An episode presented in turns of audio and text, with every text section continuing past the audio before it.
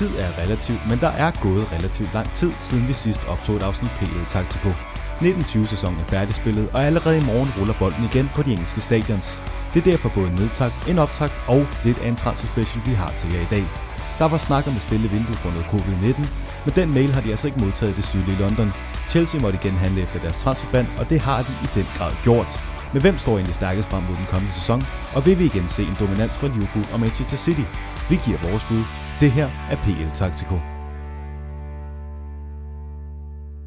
Og øh, velkommen tilbage er vel egentlig det mest øh, rigtige at sige til dig, Søren. Jo, tak og lige måde, Morten. Jo, tak. Og øh, velkommen tilbage også til, øh, til lytteren. Vi har jo haft en, øh, en lidt forlænget sommerferie, kan vi vel roligt sige. Der har været lidt problemer med en computer, der, der er sat lidt af, og, og så videre. Dårlige undskyldninger er der nok af, men vi er tilbage nu. Ja, det er en fornøjelse at være tilbage. Øh, det bliver lidt en blanding, det her afsnit mellem, at vi lige runder noget af fra sidste sæson, og så tager vi selvfølgelig også øh, fat i nogle af de transfers, der har været, som man har klædt på til den nye sæson, der starter i morgen. Og apropos dårlige undskyldninger, så kommer vi jo til fremover lige at ændre lidt i, uh, i formatet. Vi gør det lidt mere simpelt, lidt mere nørdet. Vi går lidt mere i dybden, frem for at, uh, at vi prøver at have, ja, man kan sige, at vi tager kvalitet over kvantitet. Ja, fuldstændig. Altså, vi har begge to fået en travl hverdag med nye jobs ved siden af vores studie. Øhm, så der er ikke tid til det samme øh, måde op til afsnit på, men det vi så bare ændrer, det er, at vi kunne så vælge, som du også er rigtigt inde på, vi kunne vælge at fortsætte samme format, men ikke gå i dybden, og det er jo ikke det, som altså, vi slår os op på som program øh, med det her PL Taktiko. Så vi hellere tage færre kampe, og så gå i dybden med dem og nørde ned i taktiske detaljer, fordi det synes vi bare er fedest. Så de afsnit, hvor vi sidder og, og, og går slavisk igennem fulde runder, det er formentlig i fortid. Og øh, ja, det kan være, at nogle lyttere de siger, det kan simpelthen ikke være rigtigt, fordi hvad så med mit hold? Men øh, vi skal nok love, at vi ser på, øh, på nogle af de små hold også. Det er jo trods alt det, vi også øh, sidder her for. Det er jo ikke kun for at snakke Liverpool i dit tilfælde, og så Arsenal i mit tilfælde, som det måske nogle gange kan virke lidt sådan. Ja, ja, altså igen, vi vil altid gerne se på de små hold. Der kan også være mange taktisk spændende ting dernede også. Øhm, det er ikke kun Liverpool og Arsenal. Tværtimod kan det også være meget spændende bare at kigge på et hold som Brighton, som vi har talt meget op igennem årene, og der kommer også et Leeds-hold nu, der også er rigtig spændende, og andre oprykker også.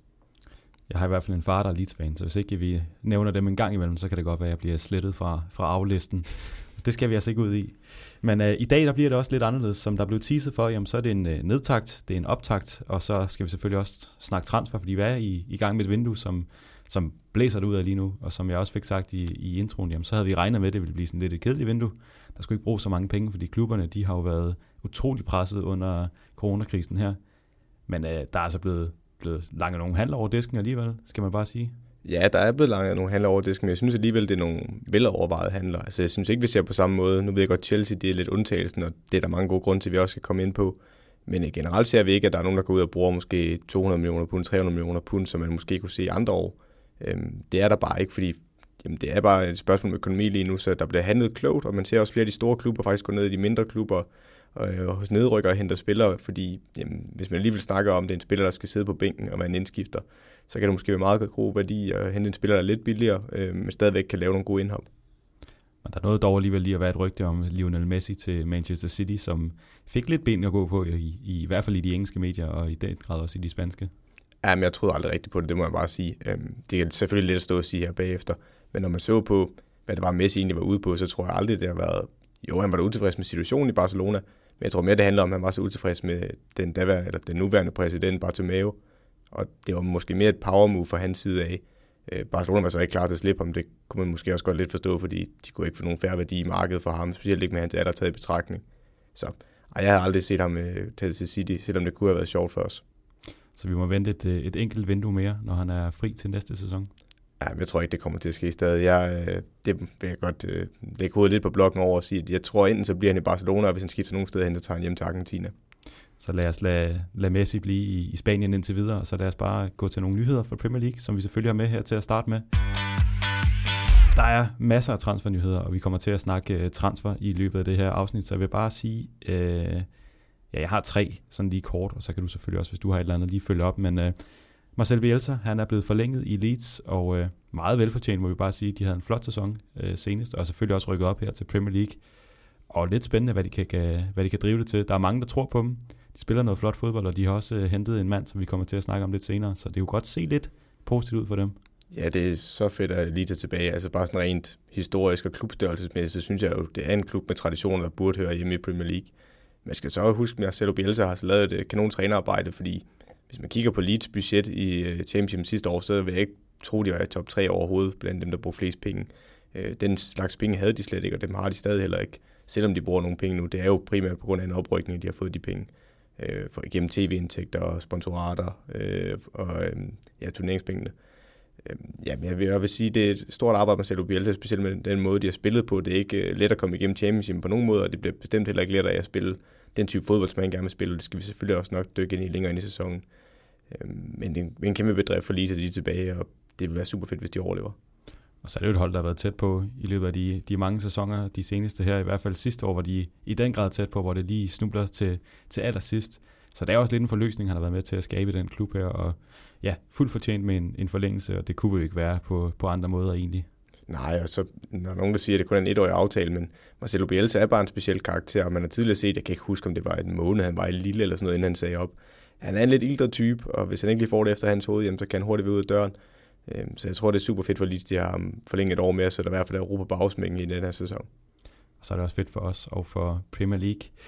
Og en, øh, en anden træner, vi skal snakke om nu, det er Mikel Arteta fra, øh, fra Arsenal, som har fået en ny rolle i, øh, i klubben.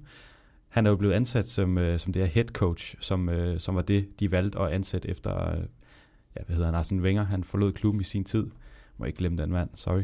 Øh, men han er altså blevet, ja, det de kalder first team manager nu, og øh, ja, som man nok kan regne ud, så giver det jo lidt mere ansvar, og måske lidt mere at skulle sige i, øh, i bestyrelsen også. Vi ved, at øh, Raul Sanlehi, jeg tror det er sådan, man udtaler det, han har, øh, han har forladt sin stilling, så det kunne være, at det var en måde for ligesom at sige, at nu skal du lidt op, for der er plads her i arkivet, og, og fordi man også tror på den her mand, og regner med, at han måske kan, kan ændre noget i den her klub fremover.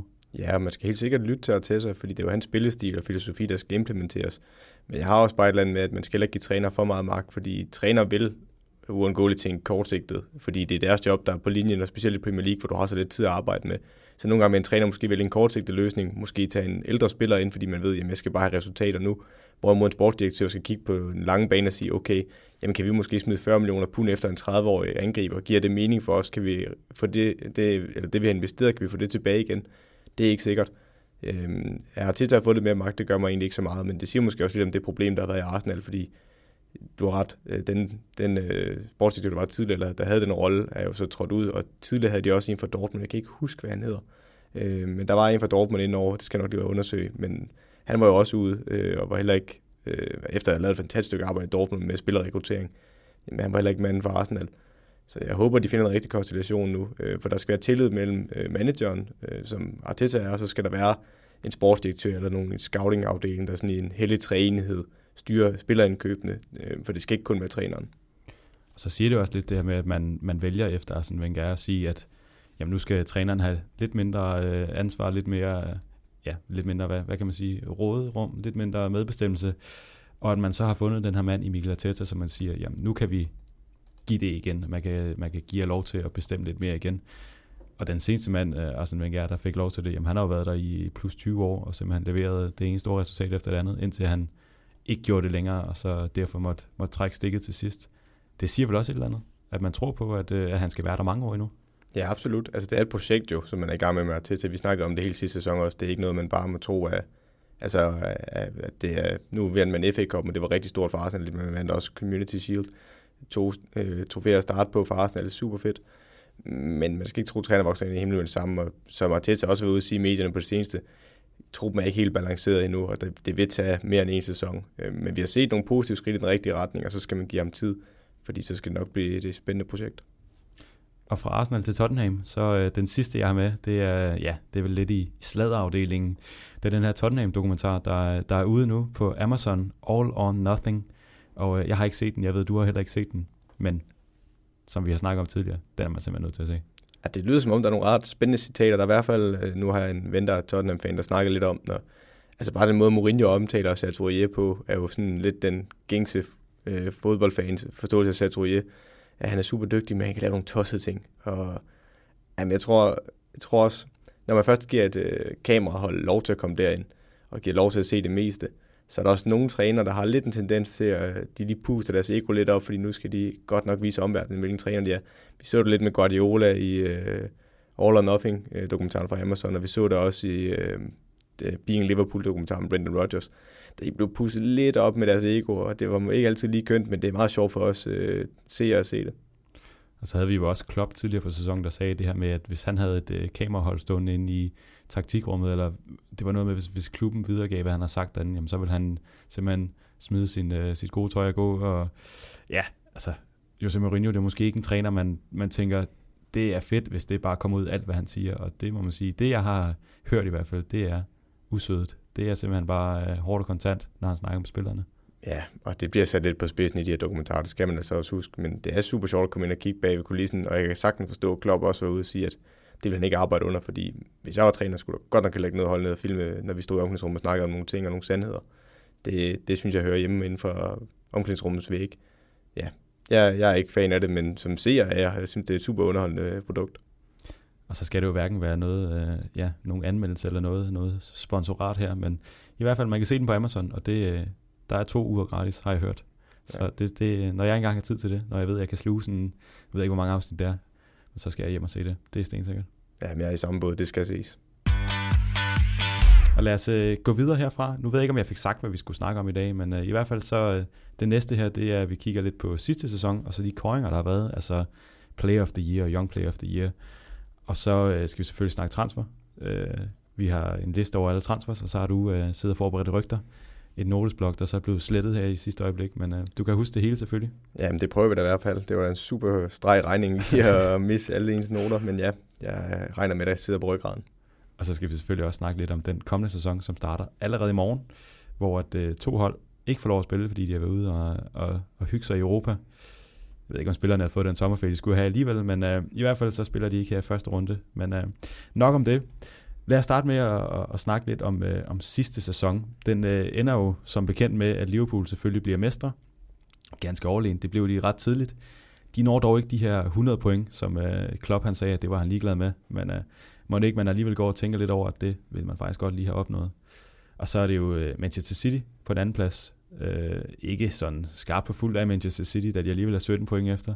Men de har altså også et ordentligt gap ned til øh, Manchester United, der napper en flot tredjeplads havde man vel egentlig ikke øh, regnet med inden sæsonen. Og så øh, Chelsea på fjerdepladsen. Det er de Champions League-pladser, der var at, at spille efter. Leicester, som ellers længes ud til at skulle være øh, Champions League-pladskandidater, jamen de måtte nøjes med en femteplads, og altså en tur direkte i Europa League, hvor Tottenham, de napper den her sjette plads, der giver, hvad kan man sige, kvalifikation hedder det, ja. til, til Europa League, og så Wolves på en syvende plads, som altså ikke giver noget i år. Til gengæld så Arsenal nede på 8. pladsen, de får en tur i øh, Europa League grupperunden ved at vinde FA-koppen. Og så, øh, ja, så hedder den Sheffield på 9., Burnley 10., Southampton 11., Everton 12., Newcastle 13., Crystal Palace 14., Brighton 15., West Ham 16., som overlever, Aston Villa 17. overlever også, og så 18., 19., 20. det er Bournemouth, Watford og Norwich, som vi ikke kommer til at se igen i den kommende sæson. Og øh, ja, er der noget her, som, som, som skiller sig ud, hvor du siger, okay, det er faktisk øh, helt vildt, det her, der, der er sket i år. Jeg vil sige, øh, ja, i forhold til sidste sæson, der vil jeg alligevel understrege, jeg synes, det er imponerende, den slutspurt Southampton, de laver til sidst.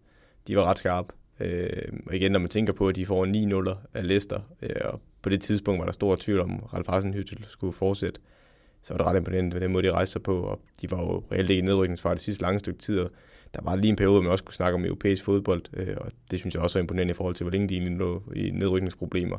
Så det vil jeg gerne understrege, det var flot. Øh, ja, og så nedrykkerne. Aston Villa overleve på sidste dag, øh, og med alle de penge, de har investeret, havde det været en katastrofe, også økonomiske konsekvenser, hvis de ikke havde overlevet.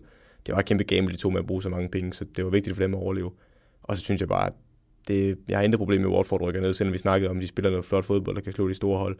Men den måde, de fyrede deres træner på, specielt fyringen af Nigel Pearson, synes jeg var totalt uanstændig. Så ja, for mig så, øh, undskyld til Watford-fansene, men altså, for mig at se, så er det helt i rundt ned, når man fyrer sin træner så mange gange. Og så er der det her med Leicester, der, der længe så ud til, at jamen, de, de skulle da selvfølgelig have en, en Champions League-plads. Og jeg kan ikke huske, hvad det var, du sagde i, øh, i vinters, da vi, øh, da vi gennemgik, og vi snakkede lidt om, hvad en top 4 egentlig kunne være. Jamen der havde, jeg havde selvfølgelig også Leicester med, men du havde også Leicester på, på en top 4, hvor det hele så lige pludselig går i stå, og der er nogle hold, hvor det bare kører. Altså United har jo trumle derude af, siden, uh, siden de fik Bruno Fernandes ind på holdet. Hvad, der var også et eller andet her, hvor man tænker, hvad, hvad, hvad, hvad foregik der lige der? Ja, men Leicester var hårdt ramt af skader, det skal vi heller ikke glemme. Altså, de havde på nøglepositioner, de havde en Pieter, der var ude det meste af året, og Chilwell var også ude i perioder. Øh, Madison var også ude i lange perioder og spillede og lidt småskade, der måtte øh, sidde ude igen. Det gør jo på et hold som Leicester. De har ikke den samme bredde som nogle af de andre hold. Jeg vil så også understrege, at det er flot af Manchester United, det skal vi ikke underkende. De, øh, det var imponerende med specielt Bruno Fernandes, der var den missing link op til de tre forreste, øh, eller to forreste. Det var han rigtig dygtig til at være. Det bindeled der og også komme med scoringer fra midtbanen af. Men vi skal også huske, at det er bare et utroligt ringe top 4 race. Altså, flot at Chelsea og United de kommer ind, fordi jamen, det kan man ikke tage fra dem. Men i forhold til pointsnittet, som vi også kiggede på i sidste øh, sæson, jamen, pointsnittet for at komme i top 4 øh, sidste sæson var utrolig lavt, og i mange sæsoner havde det over, overhovedet ikke været nok til at komme i betragtning til det. Det er også en del af historien. Det, det er også vigtigt at huske. Ja, fordi at, øh, jamen, de eneste to, der, der snitter over to, jamen, det, er, det er selvfølgelig Manchester City og Liverpool, hvor at Manchester United på tredjepladsen, jamen, de har altså 66 point for 38 kampe. Det er jo ikke sønderligt imponerende. Det er jo ikke der, hvor man ligger og tænker, der er nogen, der bare har, har makset ud her i år. Nej, igen, nu kan jeg ikke lige huske statistikkerne, men 66 point giver der ikke øh, Champions League-adgang i særlig mange Premier League-sæsoner, og slet ikke en tredje plads. Men til gengæld så 67 point, det kunne vinde uh, mesterskabet det ene år, da Leicester de to. Var ikke 67, de fik? Det kan jeg faktisk ikke huske, men det, det lyder utroligt lidt, synes jeg, 67 ja. point. Det kan altså næsten ikke passe. Nej, det kan godt være, at I skal faktisk tjekke den. Jeg synes bare, jeg så noget den anden dag, hvor det rent faktisk var 67 point den, øh, den, den står for egen regning herfra, og jeg vil ikke trække dig med ind i den, men i hvert fald så, så Bournemouth, de rykker ud, og, øh, og igen, så må øh, Philip Billing rykke med ud. Er, er der en lille forbandelse over ham? Ej, jeg vil ikke sige, at det er noget at gøre med Philip Billing som sådan, men det er mere Bournemouth, de også bliver ramt af nogle underlige ting. Altså, de bliver ramt af, at de laver nogle dårlige investeringer. Altså, Dominic Solanke jo, hvis han scorer til slut i sæsonen, men han har bare ikke ramt det, man havde håbet på det med, der med Liverpool generelt har der været for mange indkøb i den 15-20 millioner pundklassen, der bare ikke har leveret. Øh, du har en Jefferson Lerma, der har leveret i perioden på midten, men også er garant for et gult eller rødt kort. Øh, du har haft et forsvar, en bagkæde, vi har været meget efter sidste sæson, hvor det ene kommer ned, når Kitter havde niveau, for ellers så synes jeg godt nok, det så meget tyndt ud, både med Smith på den ene bakke og Cook i centerforsvaret. Øh, de havde ikke niveau til at skulle ligge i Premier League. Og så var Callum Wilson ramt slet ikke form sidste år, var også pladet af en del skader. Og deres fronttriv, der har været så skarp med Ryan Fraser, jamen Fraser melder jo stort set ud, at han ikke vil kæmpe for klubben mere, og vil egentlig heller bare lade kontrakten løbe ud. Det er også en, en mand, der lavede rigtig mange assist i den foregående sæson, før de rykkede ned sidste år. Øh, så der er rigtig mange ting, der ikke lige gik op i en høj ned for Bournemouth. For ja, når man så ikke har købt ordentligt ind ved siden af, så havner man dernede. Og nogle andre, der, øh, der ikke rigtig har fået købt ordentligt ind, jamen de købte egentlig ikke rigtig ind. Det er selvfølgelig Norwich. Vi kommer ikke udenom det. 21 point i 38 kamp. De var øh, rigtig tidligt, en stensikker nedrykker. Starter med at slå Manchester City i allerførste runde, men altså derfra der er det jo bare et ridt ned. Vi har været kede af at se det. Ja, og jeg synes, at i den første halvdel af sæsonen, der synes jeg reelt, man godt kunne sige, at Norwich de var uheldige i mange kampene, hvor de skaber chancerne, men de får ikke puttet ind, og så er modstanderen kynisk i den anden ende, og samtidig så sejlede centerforsvaret også rundt. Øh, men i den sidste halvdel af sæsonen, der var Norwich øh, pivringe. Der var ikke meget at komme efter mange af deres kampe, og ja, de lå totalt isoleret nede på 20. pladsen til sidst, og det var vel egentlig velfortjent, selvom de havde mange spændende unge spillere. Og så topscoren, Jamie Vardy, kommer jeg nok heller ikke udenom lige at nævne. Øh, jeg tror, jeg omkring jul får tænkt, at Jamie Vardy han er færdig. Jeg tror ikke, ej, jeg ved ikke, om det er omkring jul, men jeg tænker på et tidspunkt, at Jamie Vardy, der er, der er ikke med i ham. Der er simpelthen ikke med i ham. Men han når at lave 23 mål i, i den her sæson, og jeg ved ikke, om det overrasker dig lige så meget, men det er i hvert fald øh, overrasket mig en hel del, at, øh, at den men han er jo ved at være gammel, at han, han stadig simpelthen kan, kan levere på det niveau, og lige hiver en sidste topscore-titel frem. Måske ikke engang den sidste. Det kan også være, at han napper den igen i år. Hvem ved? Altså jeg vil sige, var det, var det også et eksempel på, hvordan man som fodboldspiller kan nå at redde sin karriere. Og redde sin karriere skal ikke forstås, at han ikke har præsteret tidligere, fordi han har været vundet Premier League, han har scoret et havmål og været topscorer tidligere. Men det jeg mener, at han har lagt sin livsstil om. Det vil sige, det har Brendan Rodgers også været meget ude at sige, at jamen, for eksempel har der tidligere været, at han drak nogle energidrik før kamp, og skulle lige have en lille drama om morgenen og sådan noget, og det var vart i menuen. Det har han jo smidt fra sig nu, og gået over til at forstå, at jamen, hvis jeg skal forlænge min karriere i Premier League, og jeg gerne vil blive ved med at være professionel fodboldspiller på allerhøjeste hylde, jamen, så skal jeg gå tidligere i seng, jeg skal passe min søvn, jeg skal have ordentlig mad at spise, jeg skal træne og passe den træning. Og det er det, der med til at forlænge hans karriere. Det kan man også sige, de tror, de tror på det i Leicester.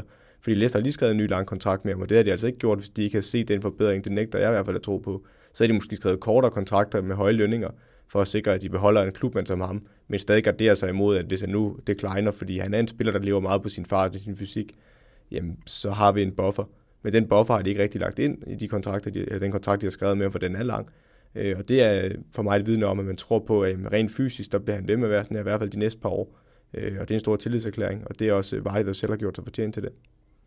Og øh, på en del anden plads med en af forrige sæsons topscorer, Pierre-Emerick Aubameyang, jamen der ligger Danny Ings, som vi øh, længe snakker om, at hold op, hvor, hvor, hvor kom det fra? For det var ikke den skarpe Danny Ings, vi havde set i, i Liverpool-tiden, og selvfølgelig så kan man ikke forvente, at han på det tidspunkt har slået igennem, men lige pludselig fandt han bare et eller andet i den her sæson, og han scorede jo bare det ene mål efter det andet, og hver gang Southampton har spillet, jamen så havde Danny Ings scoret, og selvfølgelig havde han det, fordi han var jo bare brændende varm. Der har ikke været nogen, øh, jeg har i hvert fald ikke hørt nogen officielle bud eller noget på ham endnu. Skal vi regne med, at han bare spiller Southampton igen øh, næste sæson? Ja, for jeg tror ikke, der er noget bud, som der vil være realistisk til, at de vil kunne frabriste ham Southampton. Altså hvis de skulle, så skulle det være et bud op omkring de 40-50 millioner pund. Og jamen, hvis det er deroppe, man ligger bud, så er det fordi, man tror på, at han er første angriber for en top 4-klub eller en top 7-klub. Og det tror jeg måske ikke, der er nogen, der tror på, at han er efter måske en god sæson. Jeg vil sige, i Liverpool, der havde han altså momenter, hvor han spillede rigtig godt. Han var bare pladet meget af skader, men så også i Burnley, han har nogle kvaliteter. Han er forholdsvis teknisk dygtig. Han er måske ikke den hurtigste, men han er en dygtig afslutter. Øh, og han har en god spilforståelse også, og er dygtig i presspillet. Så han har rigtig mange gode facetter i sit spil. Grunden til, at han forlod Liverpool, var nok mere, at konkurrencen var så hård, fordi Liverpool ville de nok egentlig gerne have beholdt ham, fordi han var ret god reserveangriber at have. Og nu er han bare stemplet ind på endnu højere niveau øh, i Southampton og vist, at jeg er en af de bedste angriber i Premier League. Det synes jeg ikke, man kan tage fra ham, når han har skåret alle de mål. Øh, jeg vil så nok sige, at han er ikke blandt, altså hvis vi kigger på de helt store, der er Tottenham, der er Harry Kane, Arsenal har Aubameyang, Liverpool har Firmino, City har Aguero, Gabriel Jesus, United har Rashford, Martial. Øh, så, så det er svært at se, hvor han lige skulle passe ind i blandt de store, der så vil smide de penge for ham. Det skulle nok mere være sådan en klub som Tottenham, der står mange en reserveangriber, hvor han kunne passe ind, eller hvor de går over til at spille med to angriber. Øh, men ellers så tror jeg netop, at han har det rigtig godt i Southampton, og især når han har haft så, lang, eller, så mange skadesproblemer, så er det fedt at se, at han har fået karrieren tilbage på spor og ramt nye højder nu. Så er det måske også meget rart at, jamen, jeg fortsætter måske bare i det her, øh, som en spiller for Dan Ings. Er det i år, han bliver topscorer så? Nej, det tror jeg ikke på. Det tror jeg trods alt ikke på, fordi øh, i så fald så skal... Jeg tror, at der er angriber, der kommer til at score flere mål, end der er blevet scoret i år, og jeg tror ikke, Southampton, de, de ender højt nok op i tabellen til, at han kan blive topscorer. Øhm, men jeg tror, han scorer mange mål igen i år. Måske ikke lige så mange, men øh, det synes jeg ikke behøver at være et, øh, et tegn på, at han har spillet dårligt. Måske han har bare lige ramt den perfekte sæson. Så det er ikke et one-season wonder, Nej, men, det... men lige så god sæson, det får han ikke? Ah, det ved jeg, jeg ved ikke, om han får en lige så god sæson, men det er i hvert fald ikke et one-season wonder, fordi øh, han er bare en dygtig angriber. Helt klart. Og så lad os øh, snakke lidt om de her koringer, og det er jo selvfølgelig øh, PFA-koringerne, vi tager, tager udgangspunkt i. Og den allerførste, det er, ja, lad os bare tage den største til at starte med, Players Player of the Year, øh, hvor nominerende, eller de nominerede, de var øh, Trent Alexander-Arnold fra Liverpool selvfølgelig, Kevin De Bruyne fra Manchester City, Virgil van Dijk fra Liverpool, endnu en Liverpool-spiller, Jordan Henderson, og øh, Sadio Mane fra Liverpool også, og så Raheem Sterling fra Manchester City. Og øh, ja, igen, der er lidt dominans her. Fire fra Liverpool, to fra, fra City, og det er selvfølgelig, øh, eller ikke selvfølgelig, men det er Kevin De Bruyne, der løber med, med prisen og det flotte trofæ. Et lange trofæ i hvert fald. Det har du ikke lagt mærke til, kan jeg godt se. Nej, det har jeg faktisk ikke. og det var utrolig langt. Det er virkelig højt i forhold til, hvor smalt det er. Jeg har faktisk godt set et billede af det, nu du nævner det, hvor han sidder med det Kevin De Bruyne, men jeg har ikke lige tænkt på, hvor langt det var. Det Nej. har du egentlig ret i. Men øh, vi kan jo snakke lidt om, er det den rigtige mand, der, der vinder det trofæ her? Det synes jeg. Altså, igen, jeg kan godt være Liverpool-mand og sidde og sige, at der er rigtig mange Liverpool-spillere, der er nomineret. City blev så selv kun nummer to. Men det synes jeg altid er et skævvredet argument at sige, at man kan ikke vinde prisen om årets spiller, fordi ens hold ikke vinder titlen. Men det er jo ikke det, det handler om. Det er ikke en hold øh, award, det er nemlig en individuel titel. Og det kan godt være Kevin, det eneste, man kan skyde Kevin De Bruyne i skoene, og det er lidt synd for ham, det var, at han var skadet i perioder, så der manglede han jo, hvor der er andre, der kan have præsteret. Men jeg synes, han var outstanding, den bedste midtbanespiller, og formentlig også den bedste spiller i Premier League sidste år. Altså, den, han scorer jo stadigvæk et sted mellem 8 og 10 mål, så vidt jeg husker, og han ligger op til næsten 20 mål, hvis det ikke, øh, det mener jeg faktisk, han gjorde et sted mellem 18 og 20 sidst. Det er jo helt op norm for en midtbanespiller, når man så oven købet tager betragtning af, at han missede kamp, så er det, altså, så, er det så flot. Øh, og altså, den måde, han, han kan fuldstændig splitte et hold med en aflevering, øh, og den måde, han kan glide med bolden, og den afslutning, han også har med begge ben, han er tæt på en komplet midtbanespiller. Han er ikke den bedste defensiv, men når han, hans topkvalitet andre steder på banen er så store, jamen, så er det heller ikke det, man skal holde øje med. Og ja, jeg kan ikke lade være med at beundre ham. Det er den helt rigtige mand, der vandt den pris. Ja, han ligger med 13 mål og 20 assist ja. i, i sæsonen. Og der må jeg også sige, det er jo lidt, lidt hoved på sømmet, det du siger med, at, at, at det, er en, det er jo ikke en holdkåring. Det er jo den individuelt bedste spiller, og det, det siger det jo meget godt, at der er fire mand fra Liverpool, der er nomineret, og to mand fra Manchester City, hvor at man kan sige, at dem fra Manchester City, jamen det er dem, der har været holdets bedste spiller, hvor at Liverpool de bare har været ligaens bedste hold, og de som jamen, som mandskab simpelthen bare har, har præsteret på så højt et niveau, hvor de andre de ikke rigtig kunne følge med. Kan man sige, havde Kevin De Bruyne spillet på, på Liverpools hold, jamen så var han jo, havde han stadig fået den, havde han spillet på, øh, på Arsenals hold, jamen så havde han måske stadig fået den, det er ikke sikkert, at han har fået lige så mange assist, men altså han er bare den her individuel bedste spiller, ligesom Virgil van Dijk se, sidste år, var den her individuelt bedste spiller, fordi han bare fuldstændig lavede om på Liverpools hold og gjorde, at de var konkurrencedygtige på et helt andet niveau lige pludselig. Ja, og altså, jeg synes, det den eneste, der måske kunne presse Kevin De Bruyne, uden jeg vil lave, altså, jeg kan lave et lille argument for, at det skulle være Jordan Henderson, men jeg vil stadigvæk vælge Kevin De Bruyne til hver en tid. Men jeg synes også, at Henderson var utrolig vigtig for Liverpool sidste år. Da han blev rykket ned på 6 rollen da Fabinho har en periode, hvor han er ude, der viser han virkelig, hvor vigtig han er. Han kan sagtens spille 8'eren, det er også den helst vil spille. Men jeg synes også, at vi så, når han var ude i Henderson i slutningen af sæsonen, hvor Fabinho øh, skal ind, og Fabinho har problemer, når han har været skadet med at komme op i gear igen. Øh, der kunne man bare tydeligt se forskellen mellem ham og Jordan Henderson. Og Henderson, han var bare en leder, og altså den måde, han, han fungerer i restforsvaret, øh, og også bygger på sit offensive spil med mange gode fremadrettede afleveringer, og ikke den her sidelandsspiller, som mange påstod, han var tidligere. Der synes jeg også godt, man kunne argumentere for, at han var i spil. Men øh, reelt set, så var det Kevin De Bruyne, og det synes jeg egentlig ikke, man skal diskutere så meget.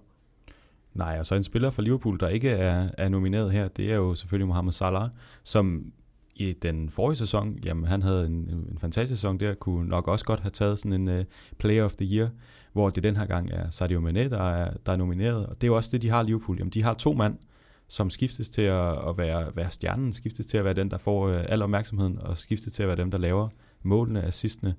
Hvor at, jamen, hos, uh, hos Manchester City, der har det bare været Kevin De Bruyne hele tiden hvor det så har været ind og ud med Gabriel Jesus, der har ligget foran, det har været Sergio Aguero foran, så har Raheem Sterling, som også er nomineret her, haft nogle gode kampe, hvor han også har lavet en masse mål, og selvfølgelig også trukket overskrifterne.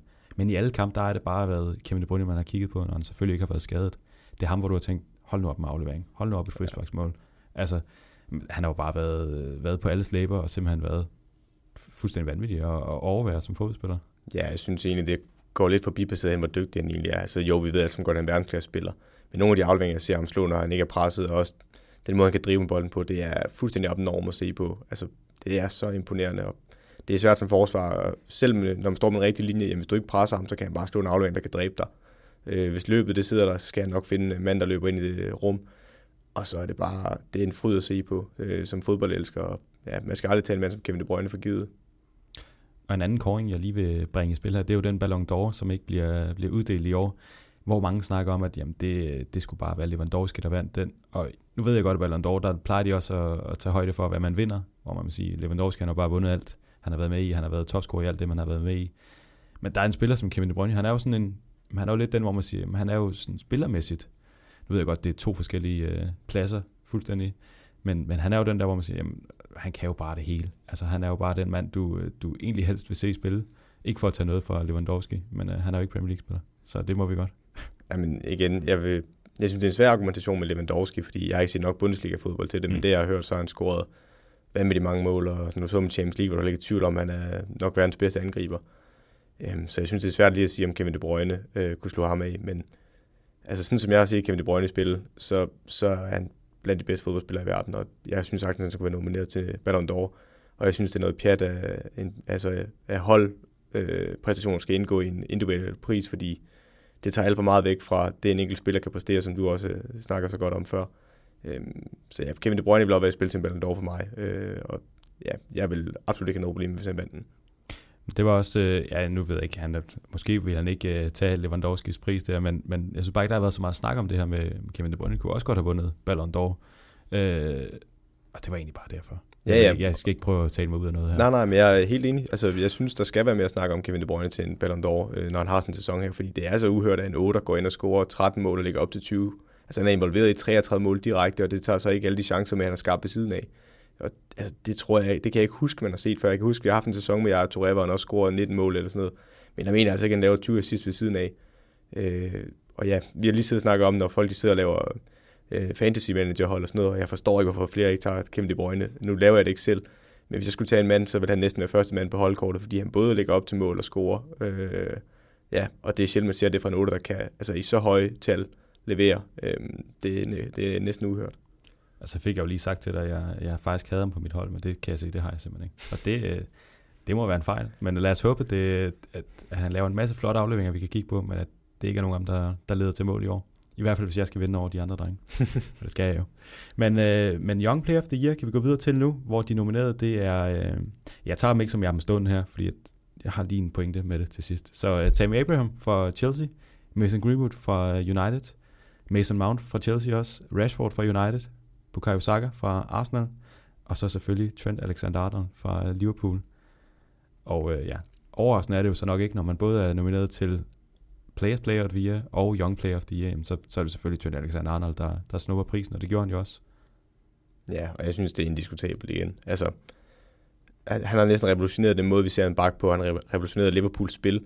Altså, de afleveringer, han kan slå, er fuldstændig absurde for en, altså for enhver fodboldspiller, men specielt en højre bak. Altså, hvem havde regnet med for måske 5-10 år siden, at vi skulle have en bak, der fra modsat side i banen på egen banehalvdel kan slå en diagonal med sit dårlige ben over øh, på modstanders banehalvdel, hvor der så er en kantspiller, der kan få en en mod en. Det er jo fuldstændig sindssygt at tænke på. Øh, og, at, ja, og det, de indlæg, han kan slå også, er også bare de kommer så hårdt og med så høj fart, at du, du kan ikke nå at gøre noget som forspiller, hvis han slår dem rigtigt, hvis der ikke er pres på boldholderen, og løbet er rigtigt. Og derudover så har han også et fantastisk spark. Altså, øh, ja, han har et fantastisk frispark, men han leverer også rigtig mange assist. Altså, jeg tror ikke, der er nogen... Ham og Robertson leverer jo enormt mange assist, men jeg synes alligevel, Trent er en klasse over Robertson, øh, og er mere en, komplet, en mere komplet bakke også offensivt. Øh, så jeg synes igen, det er indiskutabelt, selvom der er rigtig mange af de andre, der også havde en flot sæson. Så kan man nok nogle gange glemme, i hvert fald det gør jeg, hvor, hvor ung han egentlig er. Fordi han er jo øh, også i det her felt, jamen en af de yngste. Øh, og han har jo bare så vigtig en, en brik i det her Liverpool-spil, og på det her Liverpool-mandskab. Og ja, Klopp han har også begyndt at rykke lidt rundt på ham, smide ham op på midtbanen, fordi han bare kan alle de her ting, som du siger, vanvittige afleveringerne. Øh, godt spark, god på standardsituationer og det hele. Han bliver bare altid farlig. Godt overblik. Han virker jo på en eller anden måde ældre, end han egentlig er, og det er jo ikke så lang tid siden igen, han fik sit gennembrud på det her Liverpool-mandskab. Ja, han får jo sin, øh, så vidt jeg husker, foran sin Premier League-debut på udebane mod Manchester United, hvor man kunne se, at det var en ung spiller, der kom ind og spillede specielt defensivt. Der skal vi jo ikke mere end en sæson eller to tilbage, hvor man brugte Joe Gomez på bakken, fordi man var bange for, at han ikke kunne dække mand-mand. Øh, altså det kunne man allerede se i sidste sæson, eller sidste, sidste sæson igen der, hvor Liverpool vinder Champions League. Jamen i udkamp mod Barcelona, der starter Gomez på bakken, fordi Klopp var i tvivl om, han kunne dække det mand-mand trend. Øhm, men jeg synes bare, han bliver ved med at bygge på sit spil, og ja, altså man kan nogle gange blive overrasket over, øh, hvor moden han er. Det bliver også undervurderet, hvor vigtig den egentlig er for holdet, fordi Nico Williams, der kommer ind, er jo kun et år yngre end ham, og der kan man se, at det er en ung spiller. Han har også nogle spændende driblinger, god offensiv, masser af fart, god indlæg. Men man kan tydeligt se, at han, hans beslutninger er forkert indimellem, hvor man godt kan se, at det er en ung spiller. Det kan du ikke med Trent, for han har alligevel spillet to-tre sæsoner nu som øh, fast starter i Premier League øh, i en meget ung alder. Og det skal man ikke, øh, altså det, det, altså hvis man ser Liverpool spille nu, så ændrer det sig af, at Trent ikke er med, fordi han kan bare nogle helt andre ting, og det, jeg, vil, jeg vil våge påstå, at du kan ikke finde en bak, der kan gøre de samme ting som Trent. Og derfor er det også super svært at skulle skifte en ung spiller ind som Nico Williams, der er også rigtig dygtig også. Jeg er ikke i tvivl om, at han også skal blive en dygtig Premier League bak, men han er bare ikke Trent Alexander-Arnold. Og en anden spiller på den her liste her, som man måske, måske godt nogle gange kan glemme lidt, er så ung, som han egentlig er. Marcus Rashford. Jeg sad lidt og tænkte, ja, altså, han er da god og så videre, og ja, ja, ja. Han laver altså alligevel 17 mål øh, og 7 assist i, i den her sæson, eller ikke i den her sæson, i den, hvad skal vi sige? Skal vi bare sige den her sæson? Folk må vide, hvad I taler om. Sidste sæson kan vi godt sige. Sidste sæson. Men i hvert fald så øh, 17 mål og 7 assist, det, det må man bare sige, det var godkendt. Og, øh, og jeg ved ikke, hvorfor jeg sidder og tænker, så god en sæson har han jo heller ikke haft. Det, kan man overhovedet tillade sig at have så høje forventninger til, til så unge en spiller? Overhovedet ikke. Jeg synes, Rashford har en fremragende sæson, og jeg tror måske, det der det, der ødelægger vores hukommelse, det er, at han får den skade her, øh, hvor man så kan sige, at corona-pausen kommer, og øh, der, der kommer han så tilbage og med til at spille igen, men ja, det ødelagde nok hans sæson lidt, fordi jeg synes virkelig, at han, inden den skade, han blev ramt af, der var han fremragende, og var outstanding den bedste United-spiller i den trup. Og der vil jeg så også lægge Mason Greenwood ind. Det er lidt øh, modsat med hinanden. Jeg synes, øh, Rashford har en fremragende start på sæsonen, og bliver så ramt af den her skade øh, og måske ikke helt tilbage på samme niveau bagefter, selvom han stadig er en verdensklasse-spiller. Der synes jeg, Greenwood får flere og flere chancer mod slutningen af sæsonen, og viser bare, jamen, altså, hvor god han er med begge ben, og hvor en, altså, hvor en spændende spiller han også er. Så i de to har United nok den fremtidige duo eller trio, eller ja, to, til en, to øh, en del af en trio til en 4-3-3-angreb på landsholdet. Fordi de to der, de er, de er så spændende, og ja, man skulle være lidt skræmt resten af Premier League, fordi de der, de er de næste 10 år nok øh, nogle af de bedste offensive spillere, vi overhovedet kommer til at se. Ja, som du siger, så Greenwood, jamen han når jo her hen mod slutningen af sæsonen, og, og virkelig brændt den af, og når også op på, øh, på 10 sæsontræffere man kan sige, det er en mand, som, øh, som jo virkelig er ung, og, øh, og hvis han fortsætter det her, jamen så kan, nu ved jeg ikke, hvor, hvor, hvor gammel man skal være for at få lov til at få øh, Young Player of the Year, om det er noget, man overhovedet må vinde flere gange. Men altså reelt, så hans alder ligger jo til, han, det kan han jo godt nå et, et par gange i hvert fald. Han er i hvert fald en af favoritterne til næste år, eller til, til den her sæson, vi er på vej ind i nu. Altså han er også blevet udsat til engelske landshold. Hvis du havde sagt i starten sidste sæson af Mason Greenwood, måske allerede efter de første 10 kampe, havde nok ikke troet på, at han kunne blive udtaget til landsholdet her i den nye sæson. Øh, så han har også bare haft en øh, dybt imponerende udvikling. Og så øh, apropos den gode første halvdel af sæsonen, som Marcus Rashford havde, jamen så kan vi også snakke lidt om de her to Chelsea-spillere, Mason Mount og Tammy Abraham, starter ud med lyn og torden, ligesom resten af Chelsea-mandskabet gjorde, bliver måske glemt en lille smule igen, men præsterer jo faktisk stadig på, på det her høje niveau. Er det igen øh, sådan nogle typer som mig, der er lidt for kritiske og siger, jamen altså, de er jo stadig bare unge spillere, vi kan jo ikke, øh, kan ikke tillade os at, forvente mere. Jeg tror, den vil jeg også godt dele op, fordi jeg synes, at Tammy Abraham kan man reelt godt kritisere for den sidste halvdel af sæsonen. Altså, ikke misforstå mig, fordi at man siger til en ung angriber, der har været udlejet i championshipen, øh, og så beder ham om næste sæson, okay, du er første angriber for Chelsea, og vi skal i top 4. Det er også meget for langt for en ung mand, og jeg synes, han, altså i første del af sæsonen var det dybt imponerende, hvad han leverede. Øh, men hvis vi, hvis vi måler ham som en første angriber i Chelsea, så leverer han ikke en god nok halv. sidste halvdel af sæsonen, hvor Giroud tager meget af hans spilletid. Øh, og, altså, og Giroud er ikke, han er en rigtig god indskiftningsspiller her for Chelsea, men han skal ikke være deres første angriber igennem en hel sæson, øh, og heller ikke igennem en halv sæson. Så hvis vi måler Tammy Abraham på, at han skulle være første angriber for Chelsea hele sidste sæson, så havde han ikke god nok sidste halvdel af sæsonen. Men i forhold til en ung spiller, så er det ganske forventeligt, at han vil have udfald, og det, det, altså, nu kan man tage trend ud af det her, fordi han har spillet rigtig mange år. Måske også en Rashford, fordi de har spillet i, i så mange år så, øh, som seniorspiller. Men det er ikke unaturligt, hvis Greenwood så har et dyk i sit niveau øh, i næste sæson. Øh, og det skal man ikke være bekymret over. Det vil komme, fordi unge spillere skal vende sig til, at de skal spille rigtig mange hårde fysiske kampe og vende sig til tempoet i Premier League. Det kan godt være, at de kan gøre det over nogle kampe, men deres krop skal også lige vende sig til, at det er en helt anden belastning igennem 38 kampe, plus de her kopturneringer og europæiske kampe, øh, og garanteret landsholdsfodbold for mange af dem. Så det er en kæmpe belastning, så derfor vil der være færdig niveau indimellem, og det er ganske naturligt og forventeligt. Ja, så hvis jeg lige må tage den anden halvdel, det er ja. så øh, Mason Mount.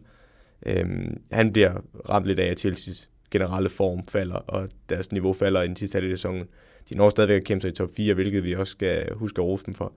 Øhm, men han er også en dygtig spiller, og ja, han var ikke, for mig var han ikke tæt på at skulle vinde øh, årets unge spiller. Men igen, han kommer fra en lejeaftale i Derby af hans første sæson i Premier League, så er det langt over øh, godkendt det, han leverede. Ja, og som du siger, så Tammy Abraham, han starter, starter ud med lyn og torden, det sagde jeg også selv. Han får de her 15 sæsonmål øh, i løbet af den her øh, sidste sæson. Men på et eller andet tidspunkt, der ligger han jo faktisk, og, og jeg ved ikke, om han er topscorer, men han er i hvert fald øh, kandiderer til det, hvor han så til sidst, jamen der falder han ned, og han er jo så trods alt de her otte mål fra at, at tage titlen. Er, er det fordi, man er sådan lidt, øh, lidt, lidt hård som, øh, som fodbold elsker, at man siger, jamen du skal skulle præstere hele tiden? Fordi den første halvdel, den var jo et eller andet sted til at blive årets unge spiller, hvor den anden halvdel, den får os til at glemme lidt, at han egentlig burde være nomineret. Nu ved jeg godt, du siger, at det skulle han være. Nu er det mig, der er lidt hård. Men, men kunne man ikke godt sige, at han har egentlig været den bedste unge spiller? Har han været en af de øh, seks bedste? Det synes jeg stadigvæk, han har. Altså, fordi han... Hvis du gik ud og sagt en sæson, hvor, eller hvor mange mål var det, du sagde, han scorede? Fem. 15? Ja. Okay, så hvis du havde sagt til mig en sæson sidste år, at Tammy Abraham i sin første sæson i Premier League skal være første angriber og score 15 mål, så vil jeg sige, at det var mere end godkendt. Øh, han spiller i sin første sæson i Premier League på et hold, hvor der er rigtig mange nye spillere. Eden Hazard er væk, der er en ny træner også. Jamen, Så tror jeg, det er langt over godkendt at få 15 mål. Det er ikke sagt, som jeg også er inde på, at det er også derfor, at Chelsea henter en mand som Timo Werner og henter en Kai Havertz. De ved også godt, at over en hel sæson, der skal, der skal han levere også den sidste halvdel. Det er ikke så meget antallet af mål, der er problemet. Det er mere, at de falder så tidligt i sæsonen. Altså 15 mål er ganske udmærket for en angriber. Måske ikke lige, hvis man skal være en verdensklasse-angriber, skal vi gerne over de 20 og deroppe af. Øh, der kan selvfølgelig, hvis der er nogle kandspillere, der scorer mange mål, øh, så kan det selvfølgelig også øh, opvejes. Men hvis vi snakker om, at det er en decideret angriber, så skal vi gerne have 20 mål, eller deroppe af. Hvis vi så kigger på, hvad Tammy Abraham leverer, jamen, 15 mål er jo måske okay nok, men vi skal nok have lidt mere end sidste halvdel af sæsonen, så du ikke bare scorer 15 i den første halvdel, okay, jamen så har vi måske stadigvæk 19 kampe, hvor du ikke bidrager på samme måde med mål, og det, det er problematisk. Derfor har de også hentet nye angriber i Chelsea, og det er også med til at presse Abraham og skubbe hans udvikling fremad. Og hvis vi så skal vende den, den sidste spiller på den liste her nu, hvor vi alligevel er, er i gang. Bukayo Saka fra Arsenal har spillet venstreback meget af sæsonen, bliver rykket lidt frem her til sidst på, øh, på en kant. Er virkelig en, øh, en, en, en spændende spiller, det kan jeg jo sagtens sidde her og sige som Arsenal, øh, Arsenal-mand, men som Liverpool-mand, hvad, ja, er han berettet på den liste her? Det synes jeg også. Altså, det synes jeg helt sikkert. Øhm, at han spiller rigtig godt ned på venstrebakken. Det, og jeg, jeg så ham helt klart som en, øh, en, en fremtidig venstreback for Arsenal. Og det er egentlig først i slutningen af sæsonen, det går op for mig, at han er også en enormt dygtig kantspiller, og kan faktisk mere offensivt, end jeg lige gav ham kredit for til at starte med. Og det var måske lidt en nødløsning, når dernede. Han gjorde det rigtig flot på venstreback, og der var også rygter om, at Liverpool og City og nogle andre ville hente ham som venstreback. Men jeg mener, at det er en kamp mod Wolverhampton på udebane i sidste sæson, hvor altså Arsenal de ligger stadigvæk og har forhåbning om at skulle i Champions League. Der scorer han jo et, et gudemål øh, en flot afslutning. Og der viser han virkelig prøve på, at jeg kan også noget offensivt. Jeg kan godt gå ind i banen fra en højre kant af. Jeg er ikke bare den her venstreback. Og i forhold til det igen, er hans sådan rigtig gennembrudssæson i Premier League, synes jeg også, det er mere end fortjent, at han er med på den liste. Og i frygt for, at, øh, at tiden løber fra os, så vil jeg bare lige hurtigt gennemgå Team of the Year, som har Nick Pope på mål for Burnley, og så er der Robertson fra Liverpool på venstre bak, Soyuncu fra Leicester i midterforsvaret, Van Dijk selvfølgelig fra Liverpool i, øh, i midterforsvaret sammen med ham, Trent på højre bak, og så er der en øh, midtbane bestående af Henderson fra Liverpool, Silva fra City, og selvfølgelig Kevin De Bruyne fra City. Og så øh, angriberne, jamen det er sådan en, en, en tremandskæde. Det er jo nok bare valgt ud efter, hvem der egentlig er sådan nogenlunde angribere.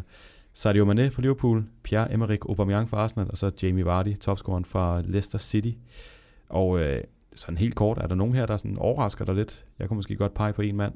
Det kunne jeg også. Og igen, altså, jeg har det rigtig skidt med at skulle se sådan en team of the year, fordi jo, vi skal anerkende, jeg vil hellere anerkende individuelle præstationer på det her, for jeg synes, det er noget pjat, når man sidder og sætter et hold, fordi jo, vi godt anerkende, det var en god venstreback og en god keeper. Men mest af alt, så synes jeg ikke, det giver mening, fordi jamen, hvad er det, vi vurderer, hvilke kriterier er det? Er det de bedste 11, vi skal have? Fordi så kunne vi også stille med måske 10 angriber, hvis det er dem, der har haft en god sæson, og så næste sæson, så har vi 10 forsvarsspillere. Øh, eller er det, fordi vi prøver at sætte et reelt godt hold, og i så fald, så synes jeg ikke, eller opgaven giver mening. Når det er så sagt, hvis jeg kigger lige på det hold og hører de navn der, så vil jeg i hvert fald ud på en Søjunchuk. Vi skal ikke glemme, at Leicester i starten af sæsonen måske havde det bedste forsvar i hele Premier League, og de slutter også sæsonen med et oh, relativt øh, godkendt antal mål, de lukker ind. Men jeg synes ikke, han er så stabil. Altså, han havde en rigtig god måske tredjedel, første halvdel af sæsonen. Og han er en dygtig centerforsvar, men det var igen første gennembrudssæson, hvor han var fast starter for Leicester. Der vil jeg måske mene, der var andre, uden at lige kan sidde fra toppen med mit hoved og komme i tanke om. Men jeg synes ikke, at han leverer en sæson, der gør, at han bør få den øh, anerkendelse for det. Og hvis jeg så skal have kritikerbrillerne på, jeg kan ikke engang selv sige det, fordi jeg har det så, så skidt med at skulle sige det her. Forresten så var det Socionchu, jeg også uh, tænkte, der var den mand, der skilte sig lidt ud. Men uh, David Silva, fra Manchester City. Jeg synes, han havde en god sæson. Men han havde en god sæson, men er det ikke også lidt, fordi at det var hans sidste sæson, man så siger, det vil du ikke, har været en legende? Det vil jeg ikke kunne afvise. Øhm, jo, han havde en god sæson, men om der var andre, der lige kunne have taget den plads, det, det synes jeg godt, man kan argumentere for. Øh, der er måske nogen på en Liverpool midtbane, der kunne være med der. Øh, synes ikke, Ronaldo får nok anerkendelse for det, han leverer egentlig derinde. Der er også nogle andre spillere en Son, som jeg synes har en rigtig god sæson, indtil han bliver skadet. Øh, kan også være en kantspiller, nu ved jeg godt, det er ikke lige uh, David Silva, men, men Son synes jeg egentlig også havde en mulighed for at kandidere til, den, øh, til det hold. Lad os hoppe hurtigt videre, så lad os bare uh, snakke transfer nu, som både er de transfers, der er sket, og selvfølgelig lidt øh, rygter, fordi du har været i gang med den helt store search derovre.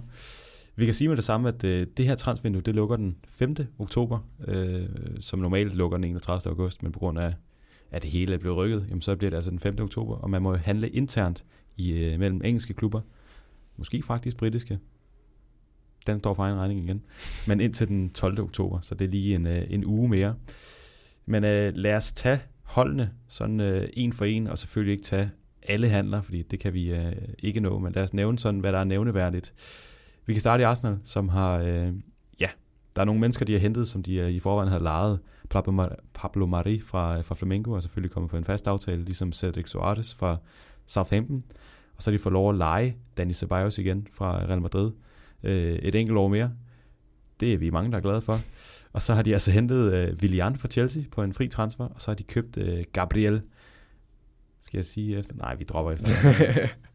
Gabriel fra, øh, fra Lille til, til midterforsvaret også. Og øh, jamen, så får de selvfølgelig, øh, hvad hedder han, øh, ham der har været i Saint Etienne.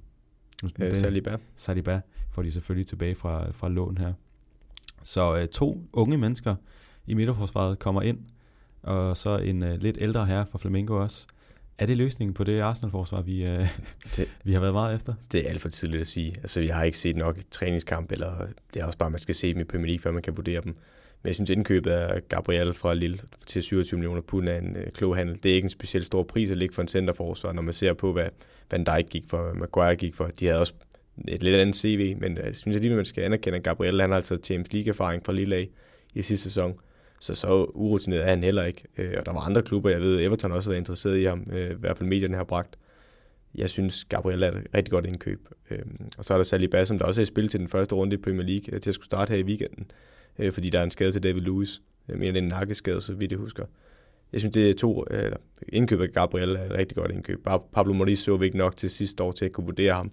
Men de må åbenbart se nok på træningsbanen til, at de vil gøre den permanent, og så var det heller ikke de store penge, de skulle ligge for ham. Øhm, den, men ja, ja, udover Gabriel, som jeg ikke rigtig øhm, har den samme fornemmelse af, men så er en Dani Ceballos, som jeg så i den sidste halvdel af sidste sæson. Uh, han er en imponerende spiller, og han, han er vigtig for Arsenal at få lov til at lege ham igen. Det var der stor tvivl om, om Real Madrid ikke godt lige ville over at se ham an. Uh, og det kan jeg være lidt uforstående over, at de faktisk ikke gjorde, fordi jeg synes virkelig, at han var dygtig for Arsenal, der var hele deres kreative del af midtbanen i den sidste halvdel af sæsonen, hvor Arteta virkelig fik låst op for ham.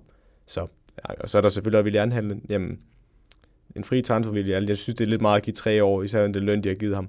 Øhm, men det vi så i Chelsea sidste år, der var han stadig en, en rigtig dygtig Premier League-spiller til topniveauet. Og ja, i forhold til, at man skal igennem en hel sæson med europæisk fodbold i Europa League og sådan noget, der er jeg en rigtig fin bredde spiller her.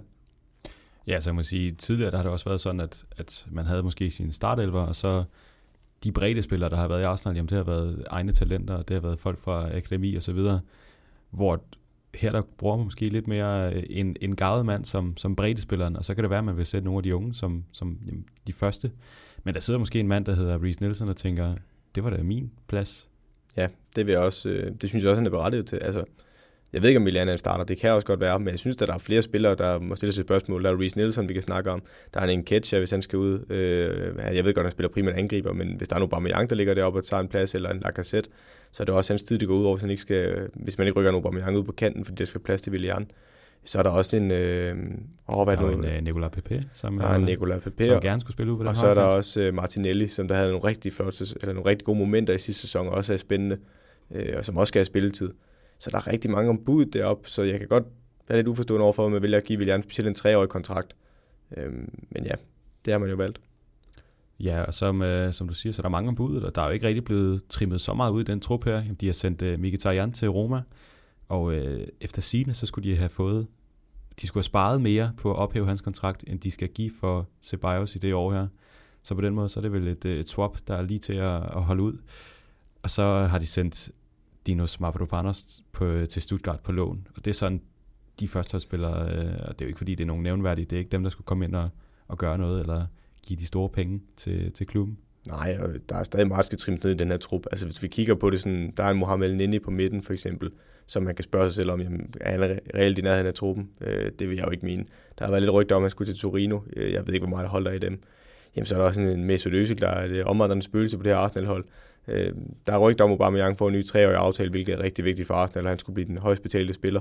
Men indtil da der er der altså en mand som Mesut Özil, som jamen, jeg synes, at Arteta har givet ham en hver chance, specielt da han lige kom til, hvor han gav ny tillid til Øsil, og vi viste også i vores deep dive i et afsnit, at jamen, altså, han prøvede at tilpasse spillet også til Øsil, så når han, det ikke, når han ikke havde luften til mere, jamen, så var det ikke, fordi han bad Øsil om at skulle lægge et højt pres. Så rykkede han ham rundt på banen, så det passede med resten af formationen, øh, når de var i defensiven. Men der er flere på det her Arsenal-hold, der skal øh, se sig om efter en anden klub. Der er også, vi kan også snakke om midterforsvaret, Mustafi. Jamen, der er rigtig mange, der er kommet ind nu. Er det hans plads, der er på spil? Øh, Rob Holding, jamen, er han øh, fast mand dernede? Så er der jo også, øh, hvis vi kigger på øh, en øh, Ainsley Maitland-Niles på højre bak, som der er rygtet meget til Wolverhampton. Altså, der er en Cedric Suarez, der er kommet ind nu. Der er en Hector Bellerin. Der skal trimmes ud i den her trup, øh, specielt fordi det, jeg føler, Arsenal har brug for, hvis de virkelig skal rykke sig, det er jo topniveau-spillere. Altså, hvor vi snakker nu har de en rigtig bred trup med en masse unge spillere, og de har en Willian, som de henter ind, Cedric Suarez, der er brede spillere. Men hvis du virkelig skal op og løfte dig og være sådan et fast top 4 hold, så er det fint, du vil bruge unge spillere, men hvis du virkelig skal derop af, så skal du også bruge nogle, der bare er forskellen. Og det er måske svært i en position som Arsenal, der ligger Champions League, at hente de spillere. Øhm, men jeg synes alligevel, det er der, man skal kigge, i stedet for, at man køber brede spillere, der måske ikke er til spilletid for nogle af de unge spillere, som for eksempel Ainsley Maitland-Niles, der nu bliver rygtet til Wolverhampton, fordi hvis han vil på landsholdet, jamen, så skal han jo spilletid. Helt sikkert. Og han fik jo sin øh, debut mod Danmark. Så øh, det kan godt være, at han øjner lidt flere landskampe. Øh, i fremtiden. Ja, og så har vi også en, en Sokratis, der bliver rykket til Napoli. Altså, der er rigtig mange spillere, der skal ses om efter nye klubber. Og ja, det er et lidt dilemma for Arsenal, fordi nu, øh, nu ved alle klubber, der skal købe spillere fra dem, at de sidder på rigtig mange spillere, og de vil af med dem, fordi de skal have lønningerne væk, og de skal også have summerne ind, så de kan købe nye spillere. Men problemet er jo, når man ved, som købende klub ved Arsenal, siger, okay, jamen vi vil give øh, 3 millioner pund, og Arsenal så siger, jamen han er jo i hvert fald 10 millioner pund værd. Så ja, okay, men så venter vi. Fordi så er Arsenal jo tvunget til, jamen gud, vi bliver nødt til at forhandle sådan for vi skal af med ham, at vi vil ud have nogle nye spillere, det vil jeg til at have. Så ja, det, det kan blive en svær forhandlingsposition for Arsenal. Øhm, og de kan nok ikke få de summer penge, specielt i det her marked med coronakrisen, vi har haft, øh, som de måske ønsker. Og der er jo trods alt øh, ja, lige øh, knap en måned tilbage af vinduet, så vi skal nok forvente, at der kommer nogle handler derfra, i hvert fald øh, ud af klubben. Må ikke.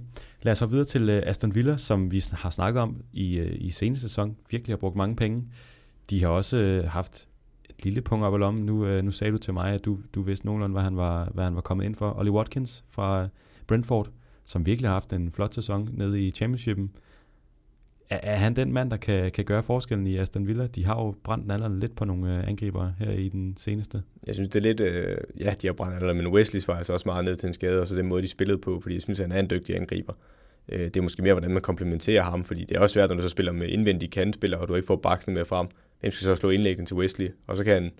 Nogle gange, når de står lavt i banen, så står han alene op og skal holde fast i bolden og vende på støtte, og den kommer bare ikke rigtigt. Specielt i perioder, hvor John McGinn var skadet sidste år, det kun var reelt Jack Grealish, der kom med op. Øhm, men ja, jeg synes, at Watkins, han er lige hvad lægen egentlig ordinerer til dem. De mangler fart op foran, og de mangler en mand, der kan score mål med fart også. Det kan Ollie Watkins, og han er også forholdsvis stærk. De har så betalt 33 millioner pund for ham. Det er nok også Brentford, der tager en premium pris for ham. Men hvis han har to gode sæsoner i Premier League, så kan han jo blive solgt for det dobbelte. En engelsk spiller, der har fart øh, og angriber, jamen det, de hænger ikke på træerne. Så man også hentet en anden ung spiller i Matty Cash fra Nottingham Forest for 16 millioner pund. Også en rigtig spændende spiller øh, på midtbanen og på kanten. Så ej, jeg synes, det er nogle gode indkøb, de har lavet af Aston Villa, og så bliver de også rygtet i forbindelse med Said Benarama fra øh, Brentford også. Og der har Thomas Frank også været ude at sige, øh, jeg kan ikke huske, hvilken vis det var til, jeg mener det var til Sky Sport, han, eller til BBC, han siger, jamen altså, vi er en klub, der sælger til en rigtig pris jo, så hvis de vil hoste op med pengene, jamen, så er de jo klar til at sælge, og han kunne være en spændende spiller til deres offensiv.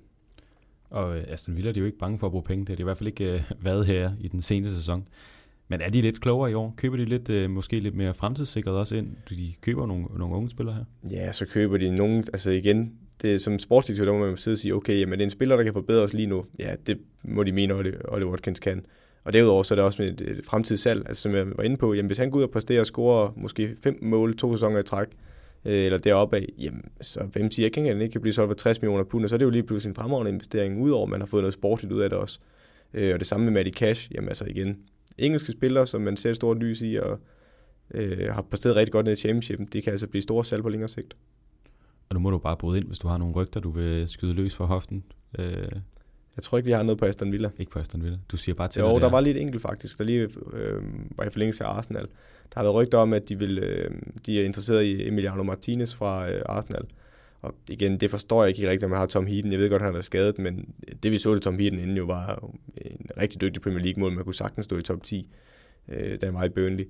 Så nej, det forstår jeg ikke helt, men jeg, jeg vil også anerkende, at øh, Emiliano Martinez stod en rigtig god øh, sidste halvdel af sæsonen for Arsenal. Øh, og øh, sådan som jeg har hørt det fra Sky Sports, så vil de have 20 millioner pund for om Arsenal. Det synes jeg også er en færre pris for en målmand, der, der stod rigtig godt i sidste sæson. Øhm, I forhold til Aston Villa vil jeg nok prioritere det anderledes, men jeg kan sagtens forstå appellen i, at man køber en 25-årig, 26-årig målmand, og man siger, jamen, vi ved, at han er Premier League-niveau, og vi kan bruge ham næste 10 år. Øhm, men hvis man har Tom Heaton, så er det ikke lige der, jeg vil investere om nødvendigvis. Øh, men det var lige, og så for lige at runde sidste Brentford nogle dage, så var der også rygter om, at hvis Arsenal lige så mister Emiliano Martinez, så ville de hente David Raya i øhm, øh, første målmand i Brentford. Og der var rygter om, at han ville indgive en transferanmodning øh, her i de næste par dage, så det er værd at holde øje med som Arsenal-fan. Jeg ville jo blive lidt ked af, hvis vi skulle miste Martinez, men øh, ja, han skal jo nok være første målmand et eller andet sted. Spørgsmålet er så, om det kunne blive i Aston Villa, når de trods alt har Tom Heaton, som du også siger. Altså, jeg vil stadigvæk foretrække Emiliano Martinez. Øh, altså, nu ved jeg godt, det er en lille sample size, vi har på, men jeg synes, han var dybt imponerende. Men jeg synes bare, hvis man alligevel skal bruge penge, så er der måske andre steder på det Aston Villa, man kunne investere. Og øh, ja, jeg kan heller ikke se noget nævnværdigt øh, ryge ud af klubben. Jeg ved ikke, om du øh, om der er et navn iblandt, som siger dig noget. Det skulle lige være en Jack Grealish, men ja, altså, er der, ikke vi har ikke, der, er ikke, der har været rygter om det, men jeg synes, de døde lidt ud herinde i september. Jeg synes, det var mere i august, hvor der var snak om Manchester United. Men der har ikke været noget konkret ud over en forspørgsel på ham, så vidt jeg ved. Øhm, så jeg tror egentlig, han bliver, fordi det er også det, der er problemet med det her transfervindue lidt, og vi kommer til at snakke om de andre handler. Der er ikke rigtig nogen, der er parat til at smide de helt store penge. Der er Chelsea, som der er undtagelsen, og dem skal vi nok også komme ind på. Men generelt så er der ikke mange, der har lyst til at smide de der 70-80 millioner pund, som en, nogle af de her spillere vil koste, eller i hvert fald 60-70 stykker. De, de, er der bare ikke lige nu, for det er så usikkert, fordi ja, nu hvis nu Premier League lukker ned igen, jamen er det så ikke rigtig mange penge, man kan blive fanget med i, eller med i, pod, i postkassen det er mange penge at bruge. Det, selv for de største øh, klubber i verden, så skal man også øh, gøre det med omhu i de her tider. Så ved man bare, at engelske spillere internt i ligaen, det bliver dyrt. Det bliver simpelthen for dyrt. Ja, fuldstændig. Og en mand som Jack Greedy, som der er tæt på erstatteligt for Aston Villa, når vi så, hvad han kunne offensivt sidste år. Hvor mange spillere han trak til sig, og altså, hvor meget en e han virkede til at være til tider, specielt efter Wesley og John McGinn skade, eller skader. Så, ja, så bliver han tæt på erstatteligt, og så må de også sætte en pris, der er lidt for høj kan også se, hvad der sker med Wilfred Sahar, der har været fanget i Crystal Palace i mange år nu. Øh, de vil også bare have en pris for ham, som der er ikke nogen, der er parat til at smide, og det kunne være lidt det samme med Grealish. Og lad os så videre til uh, Brighton, som uh, ja, det mest nævneværdige, det er vel, at de får uh, Adam Lallana fra Liverpool på en fri transfer. Flot. Det er jo en mand, der, der godt kan noget. Han har også selvfølgelig også øh, haft sit ude for, ude for banen, og, og ja, lidt svingende niveau, og har ikke bidt sig rigtig fast på det her Liverpool-hold, men det er vel også mest, fordi det virkelig bare har været et stærkt Liverpool-hold. Ja, og jeg vil også sige, at han har været ramt meget af skader. Øhm, fordi inden han blev skadet, altså, han har hele sin Liverpool-tid næsten haft øh, døjet med skader, men lige da Klopp kom til, der var han jo næsten Klopps favoritspiller, fordi han var teknisk dygtig, men lige så vigtigt, så var han taktisk klog og kunne lægge et højt pres og kunne arbejde stenhårdt. Øh, Øh, så på den måde blev han hurtigt en nøglespiller for Klopp. Så er der mange skader, der kommer ind og ødelagde det. Der kommer andre spillere til, der begyndte. En Gini Wijnaldum, der kommer ind og tager hans plads. Alex, Alex Oxlade-Chamberlain, Keita, øh, Henderson, der blev skubbet op som 8 i stedet for 6'er. Øh, så han havde det hårdt. Men hvis Lallana kan holde sig skadesfri, så er han et kub uden lige for Brighton, fordi øh, hans topniveau er, er noget over det, de ellers har i Brighton. Og så har de jo spillet meget med Dan Burn på venstre bak. Det er nok slut nu, hvor de har hentet Joel øh, Feldman fra Ajax. Ja, det vil jeg så... Jeg vil sige, Joel Feldman, han er ikke en offensiv bak for mig, øh, og slet ikke til at skulle fremad, som de gerne vil have bak sted. Så det er jeg ikke sikker på. Jo, Feldman kan spille den bedre end Dan Burn, men jeg vil stadig ikke sige, at det er løsningen for dem. Så du vil hellere have Dan Burn på venstre nej, nej, nej, overhovedet nej, nej. ikke, men det, men det siger altså mere om uh, Dan Burn, end det gør om Joel Feldman. Så det er ikke en genial handel, de lige har hentet en, uh, en boldspillende venstre bak i, i Ajax? Jo, men jeg ved ikke, om han, er, om han er skarp til at skulle være venstre bak. Han kunne også være for mig være en del af et tremandsforsvar, hvor han ligger i venstre side eller i højre side. Øh, afhængig af, hvordan du vil have ham til at træde ind i banen, eller du vil have ham til at bære bolden op ud af i banen. Uh, det vil jeg nok hellere, øh, end jeg vil bruge ham på bakken, for det synes jeg ikke, hans offensive kvalitet er god nok til, eller hans fart. Så gengæld så har de jo ryddet lidt ud i, øh, i truppen, hvor de har sendt øh, ja, en del spillere afsted, og nævneværdigt er det jo, at øh, i hvert fald Aaron Moy, jamen han har smuttet til Shanghai. Jeg ved ikke, hvad det er for en af Shanghai-klubberne, men det er, det er i hvert fald en af dem, de som har masser af penge. De hedder Luneng eller sådan noget, tror jeg. Nu er jeg lidt i tvivl. Nu, nu er det mig, der det går ud på blokken. Jeg mener, de hedder Luneng, Shanghai Luneng eller Lundong eller sådan noget i den dur. Jeg skal ikke kunne sige det. Nej, jeg mener, det er Jeg Luneng. tror, det er den klub, som, ja. som Hulk spiller i. Ja, men øh, jamen, Aaron Moy, øh, det kan måske også være lidt i forbindelse med, at man ikke vil have to tiger, eller to, der opfylder det samme rum øh, i Lallana og ham. Øh, men omvendt, så har de måske også fået en pris for Aaron Moy, de ikke har kunne sige nej til. Og så apropos offensive backs, som, øh, som de gerne vil spille med, jamen, så har de sendt Martin Montoya til Real Betis, ja. hjem til Spanien med ham. Ja, og ja, han, han har bare ikke præsteret, som man håbede på i Brighton. Ellers en spiller, man troede med det CV, han har rundt med, specielt i Barcelona øh, og har været en ungdomslandsholdsbak for det, eller for det spanske landshold, så havde jeg måske forventet mere, og det er lidt en streg regning for Brighton, han ikke rigtig fået formået at løse sit potentiale. Øh, men til gengæld har man så fået en endnu, endnu en spiller til deres centerfor, som jeg også synes, man skal lægge mærke til. Det er jo øh, Ben White, man har fået ind fra øh, lejeaftalen i Leeds, og Leeds var meget interesseret i at gøre ham permanent. Jeg tror, han er, han er en af de mest lovende bak i Premier League, eller, backs, eller centerbacks i Premier League lige nu. Og jeg vil i hvert fald holde meget øje med med den sæson, fordi om en eller to år, der tror jeg, han ryger til en af de større klubber, måske en top 6-klub. Apropos centerback, så har de sendt Shane Duffy til, til Celtic på et lån. Ja. Hvor, hvor, hvorfor gør man det? Jamen, jeg tror igen, Shane Duffy og Louis Dunk, de er lidt for en svunden tid i Brighton. Øhm, de er store centerforsvar, den klassiske centerforsvar, der står med en lav blok øhm, i et blokforsvar, står og hætter væk dernede og er farlig på dødbold. Og det er jo ikke det, en Graham Potter ideelt set gerne vil have for sine centerbacks øh, der er det nok mere en, en Joel Feldman, der kan spille i tremandsforsvar, eller øh, en Ben White, der kan spille derinde, der, der er bedre på bolden, der kan spille igennem kæder, øh, så de kan have bolden med i opbygningsspillet. Det er nok mere det, man fokuserer på, og der passer han bare ikke ind. Og det er det samme med Glenn Murray, der også bliver lejet ud til Watford. Han er ikke den der dynamiske angriber, som man gerne vil have, der kan komme ned i banen og modtage bolden eller tro bagrum.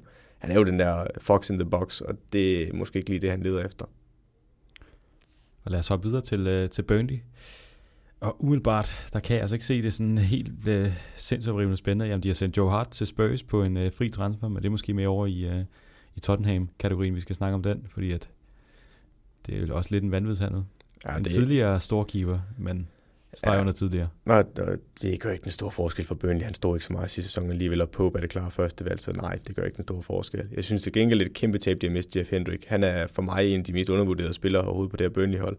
Han er altså bedre teknisk, end han får kredit for. Bare fordi han er en irsk landsholdsspiller, der spiller højre kant i en 4-4-2, selvom han er central midt, så kunne man hurtigt få den, der han bare er en tonser, og det er han overhovedet ikke. Han arbejder stenhårdt, fordi ellers kan du ikke spille på Burnleys hold. Men han er bedre teknisk, og han er bedre til at drible, og har et godt blik for spillet. Så det er et kæmpe kub af Newcastle, de har hentet ham på en fri transfer. Øh, så der er jo Lennon, der går på en fri transfer, gør heller ikke det store.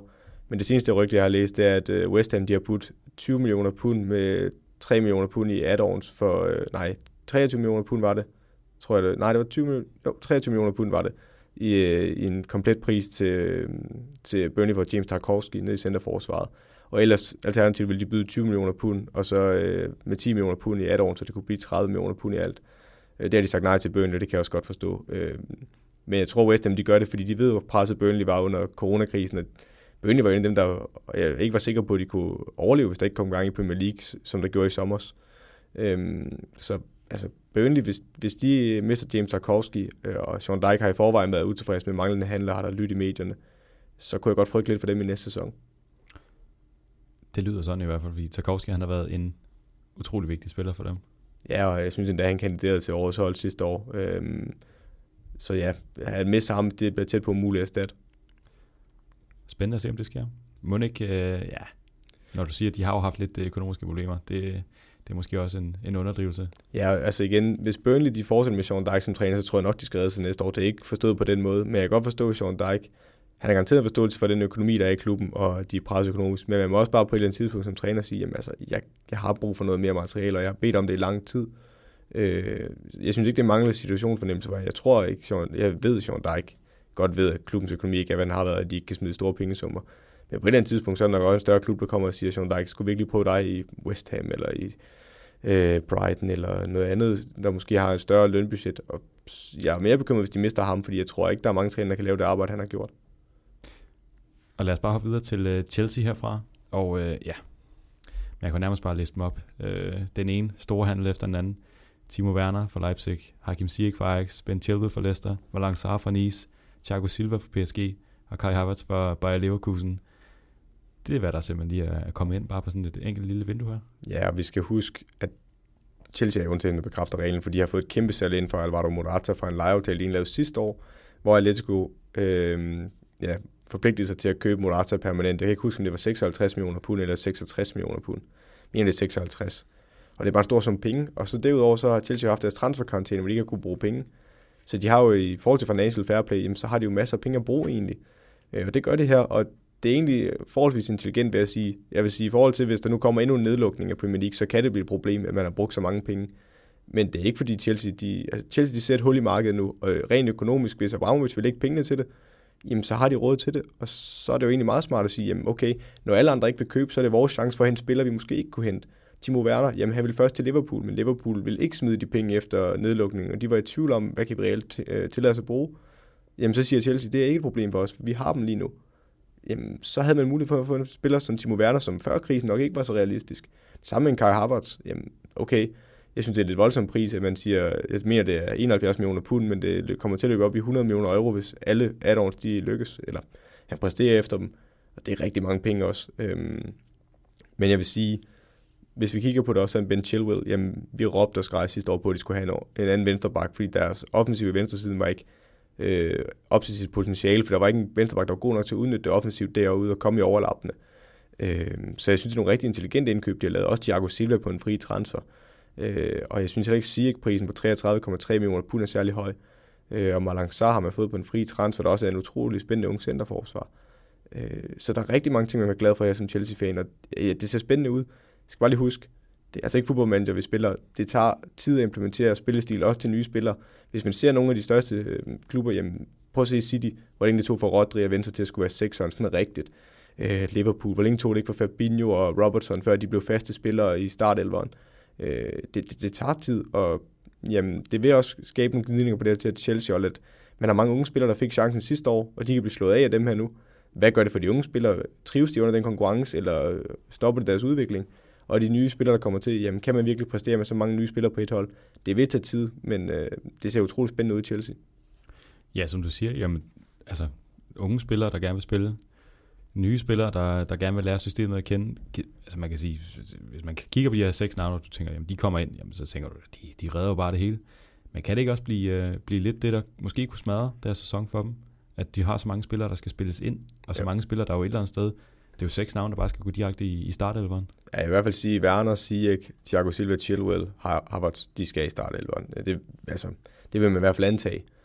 Øhm, og jo, det kan godt skabe splid på et hold. Øhm, hvis du ser, et, igen, nu er det ikke for at være Liverpool-farvet, men hvis du ser Liverpool-hold lige nu, hvor de er rygtet med Thiago også, der er ikke nogen tvivl om, at Thiago måske vil være den bedste midtbanespiller på den. At du kan sige, der er ingen tvivl om at sige måske bagefter, det fungerer jo ikke. Men ja, Thiago vil nok være blandt de bedste spillere på den midtbane, hvis han kommer ind. Men der er så stor fokus på, at man ikke vil rykke ved den her dynamikken i truppen. Og det gør man jo i høj grad, hvis Chelsea vil hente alle dem herhen. Vi har også sagt, at de mangler topkvalitet i Chelsea, at de unge spillere skal også have nogen, der altså, kan præstere hver uge. Så det er en svær balancegang, og jeg synes, det kan godt blive svært for dem at integrere det, men jeg synes, at det er nogle rigtig gode indkøb, de har lavet sådan individuelt. At man så har lavet så mange på en gang, det ved jeg ikke, om er det rigtige. Og så siger du med, at de har fået, de har fået penge for det her Alvaro Morata-salg, og de har selvfølgelig også fået penge for Hazard, som de ikke fik lov at bruge i sidste sommer. Men altså, skal de ikke også øh, rydde lidt ud i truppen, når de henter så mange uh, nye spillere her? Det ved jeg reelt ikke. Altså, hvis vi skal kigge nogle steder, så er det nok nede i centerforsvaret. Øh, der er også en Tomodi, der bliver, formentlig bliver lejet ud til Everton snart, øh, i hvert fald rygterne i medierne. Øhm, og så er der jo Andreas Christensen dernede, du har en Kyrtuma, du har en Antonio Rüdiger, og så har du øh, Malang Sarr, der kommer ind, og de har også Thiago Silva. Jamen, det er rigtig mange centerforsvar. Der kan det måske godt være, at der er en enkelt mere, der skal ud. Øhm, og ja, det, det er et større puslespil at få til at gå op. Og så foran, der har de jo øh, sat Pedro fri, og så har de lavet Willian gå til Arsenal. Så det er vel egentlig klaret med de to, eller hvad? Skal Giroud også videre? Der har også været lidt rygter med, om han skulle tilbage til Frankrig, eller til noget fransk. Der har været rygter om, eller til noget italiensk. Der har været rygter om, at han skulle til Juventus, men øh, efter sine det, det, sidste, jeg så på Sky Sport, var at han ville blive at kæmpe på sin plads, og igen, hvis man kan holde hans lønninger, så, eller man har råd til hans lønninger, så er det en fin reserveangriber at have. Øh, det eneste, jeg kunne være lidt bange på, det er en spiller som Tammy Abraham, der måske ikke havde den bedste sidste halv sæson, godt kan blive presset lidt ud af det her, og måske stoppe hans udvikling. Øh, hvis der kommer en Timo Werner og Kai Havertz og skal tage hans plads, sige, ikke, hvis de spiller med tre fremme. Øhm, så det er måske mere Tammy Abraham, jeg er bekymret for. Og hvis de kan få det til at fungere, jamen så er det måske noget af det mest øh, spændende, der er overhovedet er at se frem til i den sæson, vi går i møde her. Lad os ja. hoppe videre til øh, Crystal Palace. Der må jeg igen sige, øh, der er ikke meget, der lige slår mig i øjnene. Batshuayi kommer på lån fra, fra Chelsea. Det var han jo også i den seneste sæson. Så øh, der er ikke så meget, der, der ligesom sker i den klub. Du, har, du sagde også herinde, at rygter. Det var også øh, minimalt med det. Ja, altså der er lige en handel, jeg vil... Ja, der er to handler, jeg godt lige vil highlight ud af den, du nævner. Der er en øh, uh, Iberici uh, øh, Is, tror jeg han hedder. Jeg kan ikke uh, udtale hans navn rigtigt, men han hentede ham for 20 millioner pund i Queen's Park Rangers. Jeg mener, han scorede 10 mål sidste år i championshipen, men offensiv midtbane. Der var flere klubber i, i mellemlaget. Jeg mener, det var Aston Villa og uh, Fulham, der også var interesseret i ham. Uh, han er også en spændende spiller. Jeg glæder mig til at se ham i Premier League også som et offensivt pust til det her Palace og så har de jo hentet Nathan Ferguson fra West Brom på en fri transfer, jeg mener 18-19 år, højre bak, også en spændende spiller, jeg ved, de var rigtig ked af at miste ham i West Brom, så er også en spændende spiller. Og så er der en uendelig diskussion om, hvad der skal ske med Wilfred Sahar. Øhm, jeg har lidt svært ved at se, hvor han skal ryge hen, og det er den samme. Jamen, prisen er bare for høj for ham i forhold til hans alder, og i forhold til, hvad klubben er parat til at smide for ham. Øh, der har været rygter om Paris, der har været rygter om Dortmund. Dortmund mener er totalt urealistisk med de spillere, de har. Det skulle kun være et tilfælde af et Sancho-salg. Øh, og så har der været Monaco, men jeg ved ikke, hvor meget Monaco egentlig har penge til at smide efter en spiller, som Zaha. Men jeg tror ikke, de har 60 millioner pund i hvert fald. Så det er lidt over ved PSG, men har de ikke rigelige offensive spillere i Neymar, Mbappé, Icardi, øh, Di Maria? Altså, det er måske heller ikke lige lidt sted at finde spilletid. Og, jamen, jeg ved heller ikke, om Paris kan smide de penge på nuværende tidspunkt. Nej, man kan sige, hvis Palace de sælger um, Sahar, jamen, hvad, hvad skal de så gøre? Hvem skal de hente ind for at erstatte ham? Ja, der, der var så et rygte om en uh, Shelami Bogar, der er tidligere Chelsea-ungdomsspiller, der spiller nede i Sao Solo nu. Øhm, jeg har hørt, at Napoli havde budt 27 millioner pund for ham, øh, og jeg ved, at øh, det i hvert fald, jeg læser mig til, det er Sao Solo, de vil have plus 30 millioner pund for ham. Øh, og jeg tror kun, at Crystal Palace de kunne finde på at hente ham, i det tilfælde at de skulle miste Sahar. Spændende at se. Lad os hoppe øh, videre til, øh, til Everton herfra så, som øh, har skiftet midtbanen ud simpelthen. De har hentet Allan fra Napoli, eller Allan, nok øh, noget, Alan eller noget der i, i den stil. Ramos Rodriguez fra Real Madrid, og så Abdoulaye Ducouré fra Watford. Og øh, to af dem giver jo sindssygt god mening, fordi Ducouré, jamen han rykker ud med Watford, han skal jo finde en ny klub. Everton ligger lige i det lag, hvor han passer perfekt ind. Ramos Rodriguez, han er blevet hentet tre gange nu af, af den gode gamle Ancelotti. Og så øh, Alan fra Napoli, noget af et scoop. De får også ret billigt. Altså, Allan han er en fremragende handel, fordi det er, han var hjertet på det øh, Napoli-hold, Ancelotti trænede, og passer perfekt ind i den 4-4-2, han vil spille. Taktisk intelligent spiller, ved hvor han skal lukke rummene af. Er måske ikke den bedste offensive spiller, men han er dygtig i possession-spillet og opbygningsspillet også. Øh, men det vigtigste er hans taktiske forståelse, og at han, han lukker bare midtbanen. Så er der en uh, Uh, jeg kan godt se dem passe i en 4-4-2 sammen.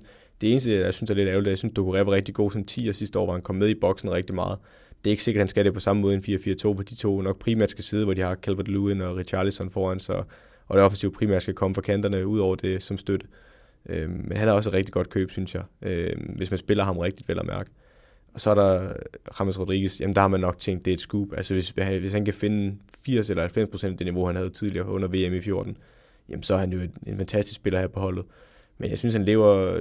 Det er lidt et problem, fordi han er jo ikke en kantspiller, der arbejder så meget, og hvis de vil fortsætte med at spille lige så defensivt, som de gjorde sidste år, så er det svært ved at se, hvor han passer ind. Fordi han kan ikke spille som en af de to forreste, når de spiller så direkte, og han har ikke farten eller arbejdsradiusen til at skulle ligge ud på kanterne.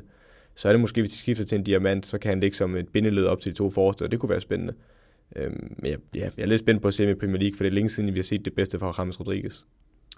Og så er det vel, øh, ja, de skifter jo hele midtbanen ud her. Havde de egentlig behov for det. Uh, Everton midtbane, det var ikke fordi den var uh, særligt tynd i forvejen. Nej, men jeg, jeg lige kan huske i hvert fald. De har jo en Fabian Delft derinde, og så har de også, øh, de har så lidt Gay i året før. Øhm, men jeg synes, når man ser nogle af deres kampe, så er de også nogle Tom Davis, der har gjort det rigtig godt. Men når Tom Davis har ligget inde ved siden af Gylfi Sigurdsson, altså Gylfi Sigurdsson er en udpræget tiger, og han gjorde det fint i periode sidste år som, som 8, men han har bare ikke en, en, en fart, eller han arbejder fint, men han, han mangler fart til at komme rundt på banen og dække store arealer, specielt hvis der bliver spillet rundt om ham. Øh, og det har Allan og Doucouré bare mere af. Og øh, ja, de her handler her, hvor placerer det til Everton i, i den kommende sæson? Jeg synes, de er klart er blevet forstærket. Altså, det synes jeg ikke, der er nogen tvivl om. De mister en Leighton Baines, der er lidt en, han er en rigtig god reservebakker her øh, med den alder, han havde nu. Øh, men der har de jo stadig Lucas Digne, og jamen, de mister en Coco Martine, synes jeg heller ikke er et stort tab. Han, han brugte de stort set ikke Schneider længe. Altså, bare 100 år siden, vi har set ham på et topniveau i Southampton. Øh, Øh, Oman Nias bliver også sat på en fri transfer, og så er der en Stiklenburg, der, øh, Stiklenburg, der ryger til Ajax på en fri transfer, og så er det City Bet, de måske mister på højre bakke, men der har man en Seamus Coleman. Så jeg synes, det er en klar forstærkning af det Everton-hold. Øhm, men det er det, vi snakker om sidste sæson med Everton. Jeg er ikke i tvivl om, de kan slutte i top 10 med at spille den måde, de gjorde sidste sæson med defensiv fodbold, sats på kontra øh, og hurtige omstillinger, komme afsted i kontraangreb og så dødbold. Men hvis de skal rykke sig en tand mere, så skal de op og kunne styre kampe og slå, eller slå hold, der står i et lavt blokforsvar. Det er jeg ikke sikker på, at de stadigvæk er klar til. Øhm, men jeg, jeg vil sige, det er, det er stærkere Everton-hold. Det tror jeg ikke, der kan være nogen tvivl om. Det bliver i hvert fald også øh, spændende at se. Lad os så videre til Fulham, som øh, er en af årets oprykkere, og som øh, har fået en, øh, en milliard med sig i, øh, i den, den, øh, den ombæring. De slog jo øh, hvad hedder det, Brentford ud i den her kamp om ja, kampen om en milliard, som, øh, som den bliver kaldt. De har hentet nogle, øh, nogle lidt sjove navne. Kenny Tete fra Lyon, og så Alfonso Arola øh, fra PSG, som har været lejet ud til øh, Real Madrid. Så, øh, så lidt er der vel også i, i den øh, unge keeper der.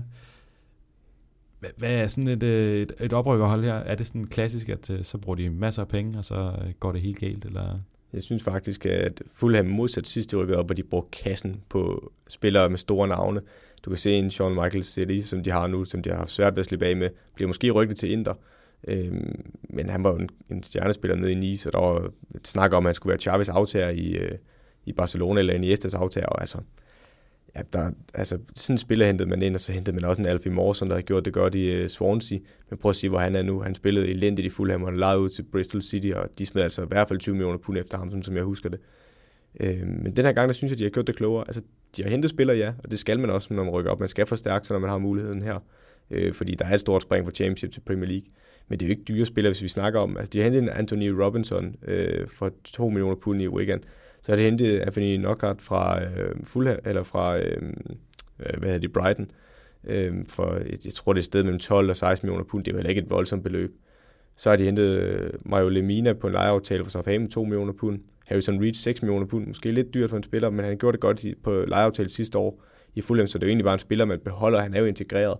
Så har du Alfonso Areola på en lejeaftale, og så har du Kenny til for 3 millioner pund. Altså, det er jo ikke store summer, og de smider efter nogen her. Så jeg synes, det er meget mere intelligent, det de har gjort den her gang. Jeg har ikke set nok Fulham til, at jeg kan vurdere, om de overlever i Premier League, og vi skal også lige se dem i den nye sæson. Men jeg synes, de har handlet mere klogt den her gang. I hvert fald ikke smidt hovedløst mange penge afsted efter folk, og det er nok mere økonomisk ansvarligt, det de har gjort. Ja, det eneste Fulham, jeg har set, det var også øh, den opholdingskamp mod Brentford.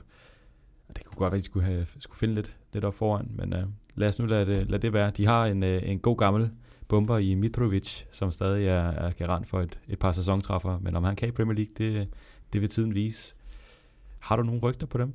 Ikke rigtig nogen store. Nej. Så lad os bare hoppe videre til Leeds, som, øh, som også er oprykker, og som også har været ude og, og spendere lidt. Særligt så, øh, så er der jo en, der springer øjnene, som er en kæmpe handel, og som øh, kom fuldstændig bag for mig. Det er en mand, der har været sat i forbindelse med, med Barcelona for bare et halvt år siden. Rodrigo fra øh, Valencia. Ja, og det var et skud for Leeds. Altså, en ting er, det skal vi også lige huske, at det viser noget om den økonomiske forskel, der er fra Premier League til, øh, til La Liga, at en oprykkende klub kan hente en spansk landsholdsangriber i Valencia, en klub, der har ambitioner om at skulle med Champions League og spille europæisk. Det er jo, burde jo ikke kunne lade sig gøre, men den økonomiske kløft er bare så stor, at det er den verden, vi lever i. Derudover så skal man også huske, at der er et kaos nede i Valencia lige nu. Altså deres ejer har jo troet med at fyre alle klubben og øh, sælge klubben. Og, altså, så jeg tror, der er mange, der gerne vil væk fra Valencia lige nu. Og det tog lidt øh, muligheden for at hente Rodrigo for 27 millioner pund. Det er en stor pris for en, øh, for en nyoprykket klub at hente. Men hvis man så på Leeds sidste år, jamen Patrick Bamford han arbejder sindssygt hårdt og passer egentlig godt ind i spillestilen. Men hvis der er nogen ting, jeg har hørt fra Leeds han sagde, så er det, at han brændt umanerligt mange chancer, og hvis de havde haft en anden angriber, jamen, så kunne det være blevet meget større øh, marken ned til andenpladsen øh, for dem i deres oprykning. Så Rodrigo, jo, øh, hvis han er den angriber, som der er nøglen til det her, altså de mangler bare en angriber. Øh, selvfølgelig skal de løfte niveauet andre steder også, men det var nok lige det, de manglede allermest, så øh, super god signing, virker det som om i hvert fald. Og så er det vel også et hold, som, som et eller andet sted jamen, hvad de har præsteret her i, i den seneste sæson, og hvad de jo egentlig også har præsteret i de, i de andre sæsoner, hvor de har været tæt på at rykke op. Er, er de klar til det her, til det her Premier League? Mangler de bare lige den ene angriber, der lige kan sparke døren ind og score øh, plus 15 mål? Det er nok sat lidt på spidsen, øhm, fordi jeg tror også lige bliver ramt af en virkelighed af, at de har været nede i championshipen, og det er imponerende, at de kan spille den spilstil, de har gjort, hvor de spiller jeg vil ikke sige, at de spiller ikke Barcelona på den måde, at de spiller rundt ned bagved uendeligt, og så med tålmodighed. Ja, men, men det er misforstået, hvis man tror, det er ligesom at spille den rundt ned bagved, og så vente på det opstår mulighed. De vil meget gerne have den hurtigt frem på banen. Det er ikke sådan, at bare står og klodser den, men de vil meget gerne have den hurtigt frem på nogle forreste, der står højt i banen, og så spille hurtigt derfra med små kombinationer. Det behøver ikke være nede bagfra, det er ikke det, der er fokuset. Øhm, men ja, de har hentet nogle andre spillere også. De har hentet Robin øh, Koch fra øh, Freiburg af, så har de lejet Jack Harrison igen på en øh, lejeaftale for City. Så har de hentet Joe Gelhardt fra Wigan. Ilan Meslier fra Lorient, der har været deres keeper øh, hele sidste sæson også. Øhm, og en ung keeper skulle også øh, være spændende. Helder Costa har de hentet for 16 millioner pund i øh, Wolverhampton, der i flere år spillet Championship, også en spændende spiller. Øhm, jeg synes, de har lavet nogle gode handler, men det, der nok er lige det største problem, er, at de ikke fik hentet Ben White. De har prøvet at hente ham, da de rykkede, øh, herefter de rykkede op. De har budt i stedet, de startede med at byde 20, tror jeg, de var faktisk op byde 30 millioner pund, hvor Brighton bare sagde nej, øhm, fordi de godt ved, hvad han kan blive værd, Ben White om nogle år. Og det bliver svært for lige til at starte, fordi han var vidderlig øh, en af de mest, eller en af de bedste center for sidste år øh, i championshipen. Øh, og kan mange af de ting, som øh, Bielsa gerne vil have. Han kan spille hurtigt op igennem kæden flat. Han er intelligent på bolden.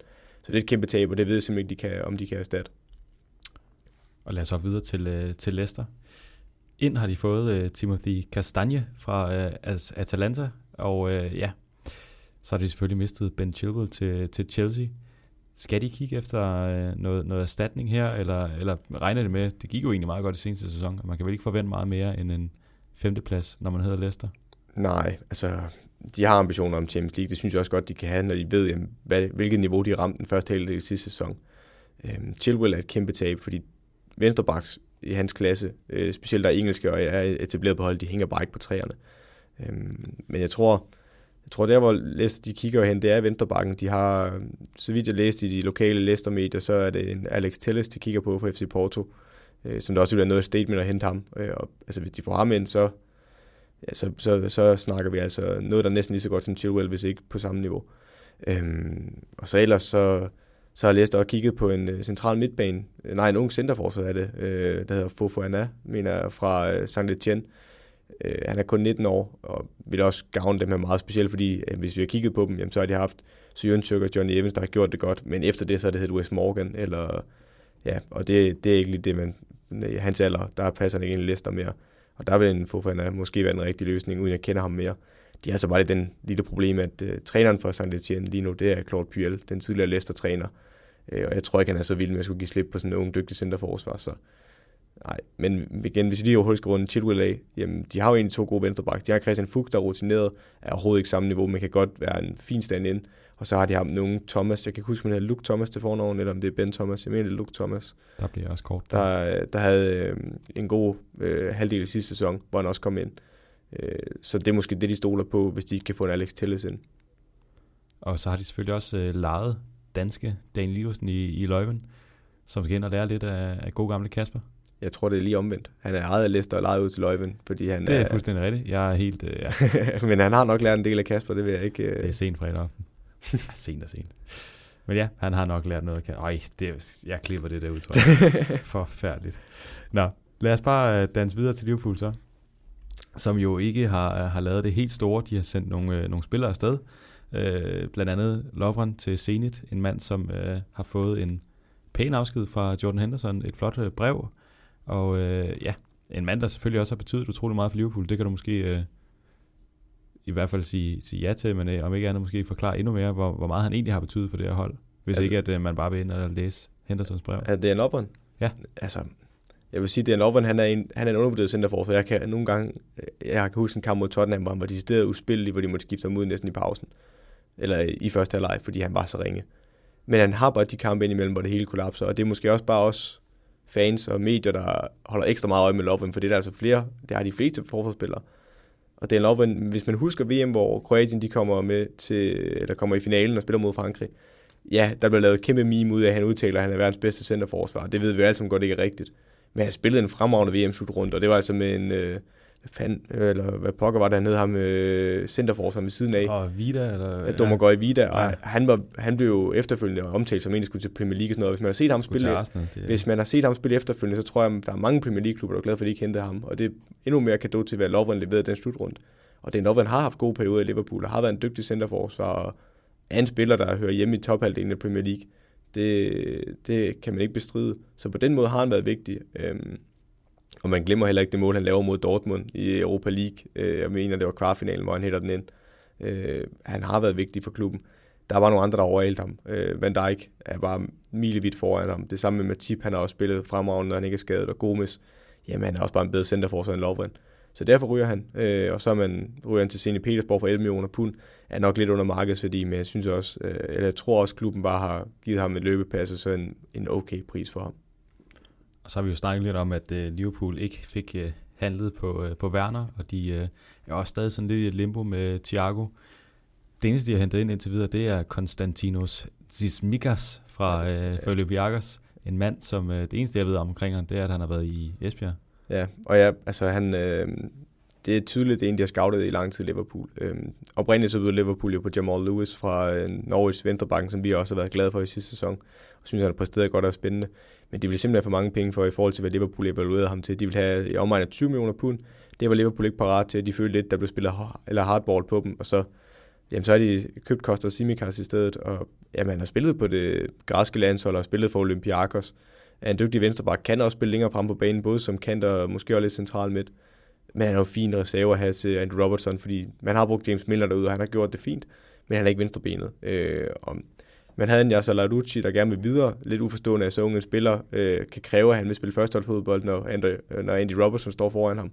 Men han vil ud og spille, og det er ikke kun en lejeaftale, og så har man sagt, okay, jamen, så går vi ud og kigger på, hvad har vi scoutet. Simikas, 12 millioner pund.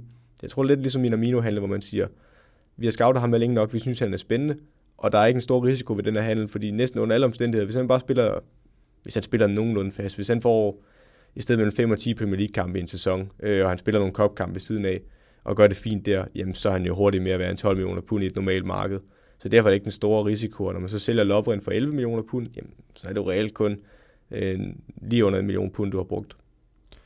Og så det her øh, Thiago-rygte, jamen det dør jo ikke. Ender Liverpool med at, at hente ham? Det tror jeg ikke. Jeg tror, problemet for Liverpool er, at Wijnaldum bliver rygtet til Barcelona. Og det har længe virket som om, at de ikke har kunnet blive enige om en aftale, øh, fordi han har udløb næste år Wijnaldum, og så passer det jo fint med, at Thiago har udløb i Bayern, så kunne øh, Barcelona øh, hente Wijnaldum, og så for de penge kunne Liverpool så hente Thiago. Men det sidste, jeg hørte fra Melissa Reddy, der er fra The Athletic, mener hun arbejder fra, øh, hun udtaler, at det er mere sandsynligt, hvis de henter ham, så er det som en ekstra midtbanespiller. Øh, men de vil ikke bryde den status quo, der er på holdet, den holder, eller holder øh, harmoni, der er. Så hvis de endelig skal, så er det nogle midtbanespil, der ligger ude i yderkanten. Måske en Marco Grujic, de vil sælge, øh, før de henter Thiago Alcantara. Men umiddelbart så tror jeg, at de får forlænget med Wijnaldum. Det er det, det øh, virker på som medierne. Han har haft en god samtale med Klopp. Øh, så jeg tror mere, at de får forlænget med Wijnaldum, og så virker Thiago lidt langt væk. Så lad os hoppe videre til Manchester City, øh, som har hentet en, en kandspiller, Ferran Torres, i Valencia, som jeg må indrømme, jeg slet ikke kendte til. Og så har de jo selvfølgelig øh, hentet Nathan Ake, som vi har snakket om i så lang tid, at de skulle gøre, og det øh, valgte de så selvfølgelig at gøre. Og er han manden, der ligesom kan, kan få styr på det forsvar her? Kommer han og laver en Virgil van Dijk på Manchester City? Det tror jeg, kan gøre. Øhm, jeg, jeg synes, han er et klogt indkøb for 41 millioner pund. Jamen, igen, hvis de skulle hente en anden centerforsvar, så havde han nok været meget dyrere. Øhm, men ja, det, 41 millioner pund er ikke mange penge i nutidens marked for en centerforsvar, så det eneste, der er lidt, det er, at han er venstrebenet, så vidt jeg husker, ligesom Laporte. Og jeg vil, hvis man selv kan vælge som træner, så vil man nok helst have en med hver ben i sit centerforsvar, så man har venstre ben til venstre, højre ben til højre. Øhm, men altså, Arke kan godt, jeg tror, han er mere en, ja, jeg tror mere, han kommer til at indgå i rotationen. Øh, for eksempel hvis en Laporte mangler, så er det oplagt, at han spiller den. Og jeg tror også, han står længere frem i køen end, øh, end en øh, John Stones. Og måske også en Otamendi. Jeg ved ikke, om han bliver ved med at bruge Fernandinho dernede, fordi jeg synes lidt, det er en for erklæring, hvis man køber en centerforsvar til 41 millioner pund, og det er stadig Fernandinho, der starter dernede. Så man kan gøre det fint i nogle kampe, men bare ikke er centerforsvar. Øh, og ikke har farten til det, i min mening. Men jo, jeg synes, at Kea er en fin handler. Vi har jo længe snakket om, at han skulle til en større klub. Jeg har nok regnet med, at det ville blive Chelsea. Nu blev det City. Og så har med Ferdinand Torres fra, øh, fra Valencia. 20 år gammel og spiller altså hele 44 kampe for Valencia sidste sæson. Fremtidens mand. Kan han gå ind og, og lave noget på det her hold allerede i, i år? Nu har de sendt, jeg ved ikke om David Silva han giver plads til ham, men Leroy Sané i hvert fald til Bayern München. Jeg tror mere, at han kan spille lidt bækplads, men som udenbart vil jeg lægge ham på kanten i stedet for Leroy Sané der står nogle andre foran ham i køen, det skal jeg lige sige. Der er en Bernardo Silva, der også kan spille derude. Du har en Raheem Sterling, du har en Riyad Mahrez. Jeg tror, det er fint for, at man lige har en første sæson, hvor han lige kan være bag Riyad Mahrez, og så måske træde til efterfølgende. Men for 20, 21 millioner pund cirka, jamen, der er det en rigtig fin handler, og en spændende spiller, som der kan lære rigtig meget under en Guardiola. Øh, og jeg har stor tiltro til, at han oplever en succes. Så er det så lidt en streg regn, de har mistet Leroy Sané, fordi han var også en af de bedste kandspillere i Premier League, og så ærgerligt, at han var skadet det meste sidste sæson. Øh, og også David Silva, det er to rigtig dygtige spillere synes, Ferdinand Torres han kan godt erstatte det lidt, men det er ikke den samme topkvalitet på nuværende tidspunkt. Nej, for jeg skulle lige, at sige, øh, jeg skulle lige til at sige det. Leroy Sané til Bayern München, det vidste vi jo godt i, i rigtig lang tid. Men altså, hvordan kan det være, at man har lavet den her unge spiller, og, og virkelig dygtige spiller, og en spiller, der også har vist, at han sagtens kan på det niveau her, gå? Jeg tror, det har været åbenlyst, at han ikke vil forlænge. Øh, og så har de tænkt, okay, hvis vi skal nå at have penge for ham, fordi han har jo kontraktudløb efter den sæson, vi kommer ind i nu, så er det nu, vi skal sælge. Og det har de gjort, også for jeg tror, det er tydeligt for Guardiola, han vil kun have nogen, der er i projektet 100%. Du kan se det med en Edek Garcia, der er centerforsvar, øh, som sidste sæson lige pludselig kom ind og fik en stor rolle på holdet, og jeg tror, der mange af os, der regnede med, at han var fremtidens mand. Han vil ikke forlænge med City, jeg ved ikke hvorfor, øh, om det er kontrakten eller hvad det handler om, men Guardiola har gjort klart, at han ikke vil forlænge. Måske fordi han vil hjem til Barcelona, hvor han var i sin akademitid, hvem ved. Øh, men han er jo også blevet smidt lidt ud i kulden igen, øh, så jeg tror bare, de gør det meget klart at sige, at hvis du ikke er en del af projektet, så vil vi gerne tælle dig, fordi det er der mange andre, der gerne vil. Så det var ikke bare for at gøre plads til Lionel Messi? Nej, det, det tvivler jeg lidt på. Det, hvis du sætter Messi ned i centerforsvaret, så tror jeg, at du vil blive fyret som træner på stedet. Perfekt. Men uh, lad os hoppe videre til Manchester United så, uh, som har hentet en stor spiller. De har selvfølgelig også lige lånt uh, Orion Igalo en, uh, en lille sæson mere. Men Donny van der Beek i Ajax. Er du sikker på det? Det er, er jeg ret sikker på. Nå, jeg synes bare, jeg så på transfermarkt, de ikke har forlænget lejeaftalen. Det godt være mig, der ser forkert. Hvad jeg lige ved, så er den forlænget. Jeg kan godt selvfølgelig prøve at tjekke det, mens du snakker lidt om, ja. hvordan uh, Donny van de Beek han kan gøre det i United. Jamen, det er jo lidt den kreative midtbanespil, det har manglet. Altså igen, han er ikke en tier lige så udbredt som en, øh, som Fernandes er, men han går ind og skal erstatte en af de pladser ind på midtbanen bagved øh, Bruno Fernandes, øh, hvor ham øh, Pogba vil ligge. Øh, han kan også godt spille 6 som Donny van de Beek, men han er en, han er en bedre afleverer med bold, end en Fred er, og end en Scott McTominay er. Så på den måde, der kan han være med til at være endnu et bindeled op øh, fra en bagerste del, lidt længere tilbage på banen end Bruno Fernandes, og være et bindeled fra øh, bagkæden op i fase 1 og fase 2 i opbygningsspillet, så kan han ligge som det mellemrumspiller der, eller mellemrumspiller, røvel, som 6 eller 8. Øhm, og det, det passer han bedre til. Jeg kan lige følge op og sige, at Igalo, han er, han er altså United-spiller indtil den 30. januar øh, 2021. Spændende. Ja. Og så er det et helt stort spørgsmål selvfølgelig. Hvorfor? Ja, jeg tror igen, det er måske lidt en sikkerhedsmarken, fordi de rygter, jeg set på seneste, er, at de stadigvæk er interesseret i Jadon Sancho. Og for mig at se, så er det jo forståeligt, at det, der foregår lige nu. Jeg synes, det er lidt en mismanagement af Manchester Uniteds ledelsesside, og det vil ikke være første gang. Men jeg kan godt forstå, at man er interesseret i Sancho. Men Michael Sorg fra Dortmund er ude og siger, at han ikke er til salg. Nu vel, det er nok bare for at spille hardball, det er helt fair. Men det virker som om, det er ret tydeligt gennem medierne, at Dortmund de holder ud til 108 millioner pund, mener der, eller det er euro. Men det er prisleje i hvert fald. Og United vil ikke betale en pris, men de er blevet enige med Sancho og hans agent åbenbart om øh, agent fees og løn. Men det ændrer jo ikke på, at de ikke når op til Dortmunds pris, og de siger, at de vil ikke betale den pris, som Dortmund forlanger. Jamen, så beholder Dortmund ham, og så, så skal man måske kigge sig om efter andre transfermuligheder, hvis det virkelig er offensivt, man gerne vil bygge videre på. Jeg vil nu stadigvæk understrege, jeg vil stadig kigge på en, øh, en centerforsvar eller en, øh, en venstreback, før jeg begynder at kigge på en ny kantspiller, for der har du trods alt Greenwood, der kan spille ud, du har Rashford, du har Martial, øhm, og Daniel James, der også er et spændende udvikling. Så jeg ved ikke, om jeg vil sige, det er det rigtige at smide. Jeg kan godt forstå, at United bor hælene lidt i, men så forstår jeg ikke, hvorfor det trækker så meget ud, den handel med Sancho. Nej, fordi hvis man skal kigge på det sådan helt, jamen altså, de har jo spillere, der godt kan spille der, og den her pris, de skal have for Sancho, er han, er han egentlig det værd? Altså ja, han har vist sig i, i Bundesliga, men det har vi altså også set uh, engelske spillere gøre før, hvor de så kommer hjem og, og måske bliver lidt glemt igen. Og, og den her spiller, jamen, med det marked, vi har lige nu, og med den pris, de gerne vil have, er det overhovedet realistisk, at man kan lægge de penge? Jeg tror godt, at United har råd. Altså det, det, det er min klare indtryk med så, så rig en klub, som United er. Altså de er jo, hvis ikke den rigeste klub i verden, så tæt på. Mit største problem er bare, det nuværende marked, der kan jeg sagtens forstå, at man ikke vil lægge de penge, fordi det er usikkert, hvad der kommer til at ske. Så derfor kan jeg godt forstå det, men og man, altså, jeg synes stadig, det er egentlig en meget færre pris for ham. Hvis vi snakkede før den her coronakrise, jamen der havde jeg nok sagt, at det var en meget rimelig pris for en Jadon Sancho, en ung engelsk spiller, der har beviser både på den europæiske scene, på landsholdet og i Bundesligaen. Der havde jeg nok sagt, at det var meget rimeligt.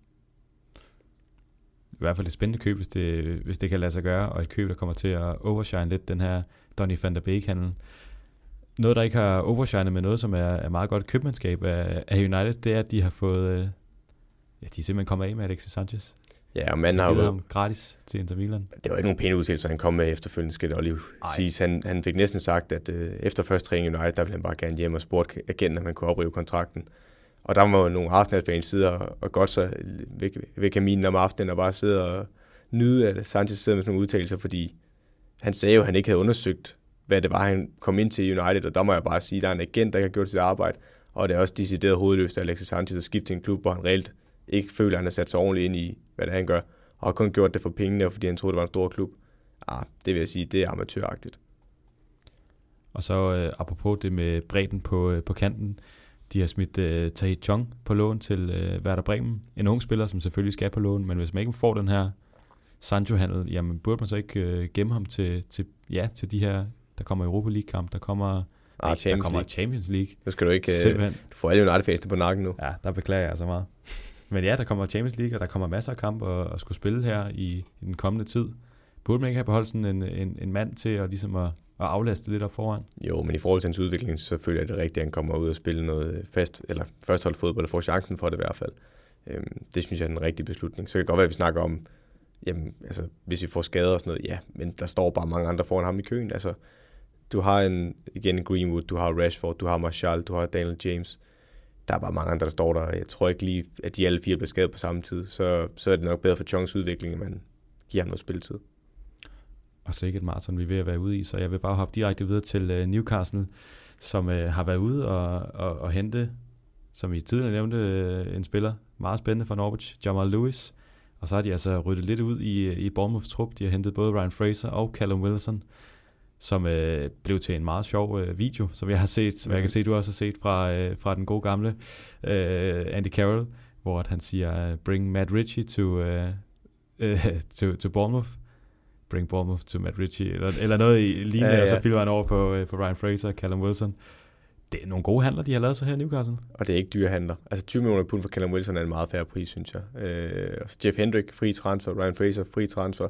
Jamal Lewis, jamen, måske lidt til en dyr side, i stedet for 16-18 millioner pund. Men hvis han begynder at præstere, som altså, nogle gange vi ser glimt af i Norwich, så kan han meget hurtigt blive samme penge værd som Chilwell. Øh, så jeg synes, det er nogle enormt spændende køb, og især i forhold til, at Newcastles overtagelse, eller ejerovertagelse ikke gik igennem, så synes jeg, det er rigtig fint for de penge her. Øh, de har fået et rigtig godt afkast. Ja, fordi der havde været snak om, at øh, nu skulle de overtage, så de skulle have masser af penge, og Messi til Newcastle, ja, ja. og football manager tilstanden. Men det er vel et eller andet sted, i det lag, hvor Newcastle ligger, så er det jo de perfekte handler, dem her. Absolut. Jeg kunne ikke være med enig. Jeg synes, øh, det er nogle scoop, de har gjort. Så vi skal regne med, at Newcastle de bare præsterer næste år. Top 10. Jeg vil sige, deres offensiv er spændende nok til det. det. Det, der bliver udfordringen nu for Steve Bruce, det er, at der var mange, der var på puklen af ham over den måde, de spiller fodbold på, men de får jo resultaterne. Men det er det igen, den her overgang, der er sværest i fodbold, at gå fra at være et, et hold, der står og kører på kontraangreb og stå godt i forsvaret, til at skulle være dem, der skal ud og drive spillet. Det bliver spændende, om han kan bygge det videre på Steve Bruce. Det kunne jeg godt være lidt usikker på. Og ingen nævneværdige, der er, der er smuttet. Der er selvfølgelig lige en Florian Lejeune, der har råd på lån til Alaves. Men så, øh, så holder de jo truppen. Og der har også været lidt snak om, øh, om Alan San Maximan, men det ligner også, at han bliver. Ja, han har haft en sæson i Newcastle, hvor han har gjort det godt. Jeg tror lige, der skal en år mere i hvert fald, og så får den her krise forhåbentlig lidt på afstand, før der er flere, der vil byde ind på ham. Så lad os gå videre til uh, Sheffield United, som også havde en uh, utrolig flot sæson her sidst, og som egentlig heller ikke har, uh, har hentet det helt store. De gør ikke uh, så meget igen. Det er også et hold, som, som kom op fra, fra Championship i sin tid, og heller ikke gjorde så meget, og det er jo det, der virkede. Så virker det igen? Overlappende centerbacks og øh, overrasker de andre lidt? Ja, så synes jeg alligevel, de har gjort det på handler. Altså, det mest bemærkelsesværdige er jo Dean Henderson, der er kommet til United, og det kunne vi også snakke om i et andet afsnit. Hvem bliver egentlig første keeper United? Jeg synes, det kunne være spændende. Jeg tror egentlig, det bliver De Gea til at starte med, fordi ellers jeg ved jeg ikke, hvad man laver med De Gea United, men den, den vil ikke. Hvis vi skal snakke om Sheffield United, jamen Aaron Ramsdale har de jo hentet ind, der faktisk er egen Aulsen, som jeg forstår det, øh, har været i Bournemouth nu. Øhm, jeg er måske ikke den største fan af Ramsdale, men i forhold til, øh, hvis man kigger på det som sportsdirektør, man er overbevist om, at Ramsdale har potentialet og har evnerne også øh, nu, jamen så er det jo en fin investering for en ung keeper at sige, okay, jamen 20 millioner pund, så har vi måske en keeper de næste 15 år til at stå i Premier League. Det er meget fint afkast, specielt i det nuværende marked. Så man henter West Rodringham ind, der har været øh, tidligere første keeper i Rangers, var det ikke sidste sæson, øh, men også en fin backup at have. Så det er Jane Bogle fra Derby og Max Lowe fra Derby og Evan Ampadu på en lejeaftale for Chelsea. Igen, det er nogle Champions-spillere, jeg ikke har, i hvert fald Jane Bogle og Max Lowe, jeg ikke har så stor forstand på, må jeg erkende. Men de har været gode til at scout Sheffield United, og de virker bare til at lave nogle kloge handler, så jeg vil ikke, øh, jeg vil ikke, øh, det vil ikke overraske mig, hvis de to også bare havde Premier League-niveau med det samme. Der var jo meget snak om det her med, med ja, Dean Henderson og, og David De Gea. Der var mange United-fans, der sagde allerede i, i den seneste sæson her, at han skulle bare hentes hjem, og han skulle bare være første keeper. Men United, de, de, altså de beholder jo David De Gea, og, og det ligner altså ikke, at han bliver første keeper. Og så, så virker det naturligt bare at lege ham ud til Sheffield igen. Ja. Men som du siger, jamen, de henter Aaron Ramsdale i, i Bournemouth, som formentlig skal være første keeper, og så West Fotheringham i Rangers. Så de har jo et eller andet sted, der er jo ikke plads til ham, de kommer ikke til at lege Men ham igen. Jeg, jeg er jo ikke til kun i tvivl om, at hvis du havde sagt til Sheffield United, at de kunne lege Dean Henderson, inden de hentede Ramsdale, så havde de gjort det. Nu har de hentet Ramsdale, fordi det var tydeligt fra Uniteds side, at han ikke skulle være der et år mere. Det kan godt være lidt ærgerligt over, for jeg synes også, det har været bedst for hans udvikling at få et år med i Premier League. Og det har også skubbet en kontrovers væk for United, som de ikke havde behøvet, fordi de giver lave, lave fejl, men det gjorde Dean Henderson ved Gud også sidste år. Altså jeg kan huske en kamp mod Liverpool, hvor han taber en bold inden for Brian Aldum, hvor den ender 1-0 til Liverpool. Øh, ikke tage noget fra, Dean Henderson er en rigtig dygtig målmand, og bliver nok en af verdens bedste målmænd. Men han begår også fejl, og de begår også fejl. Altså, så på nuværende tidspunkt, der synes jeg ikke, at niveauforskellen er så stor, og det har måske gavnet begge parter, at henter, Henderson bare havde fået masser af Premier League-spilletid igen, og de giver stod en enkelt sæson mere, også med den lange kontrakt, han har i United. Helt klart. Og lad os se, hvor den øh, saga den ender. Men øh, lad os øh, hoppe videre til Southampton, som, øh, ja, de, som du sagde, de startede med at, at have en skidt sæson, så begyndte at køre til sidst, hvor de virkelig, jamen altså beviser, og en mand, der også beviser, det var Pierre Emil Højbjerg, som nu øh, er Tottenham-mand. Og den anden vej, der er der så rådet en Carl Walker Peters, selvfølgelig ikke til samme plads, men øh, en, en højre bak ind, som, øh, som nok måske kan pynte på det hold her, i hvert fald en mand, der måske skal forvente mere spilletid, end han, end han fik i Tottenham. Og så et tab af, af anføreren, af, af manden, der styret midtbanen. De har selvfølgelig stadig, øh, nu kan jeg ikke helt lade, hvad han hedder, ham der blev anfører. James Ward-Prowse. James Ward-Prowse, flot navn. Øh, men, øh, men, men det er vel stadig et, et stort tab, at de mister Højbjerg her. Ja, de mangler noget sin centrale midtbane lige nu. Det var også det, jeg så på rygterne. Jeg kan ikke huske, hvad har midtbanespilleren, de kiggede på. Men de har i hvert fald kigget på en, en central midtbanespiller, for de ved godt, det er et område, de skal forstærke. De har stadig en Oriol Romeo derinde, der også kan spille det. Den plads også gjort det i perioder, hvor Højbjerg ikke var der. Øh, så de er dækket nogenlunde ind, men det er klart, de skal nok hente en til på den plads. Øh, ja, og så har de hentet Mohamed Salisu ind fra Real Valladolid øh, til centerforsvaret. Øh, også et centerforhold skiftede meget sidste år, så det er måske også en forstærkning.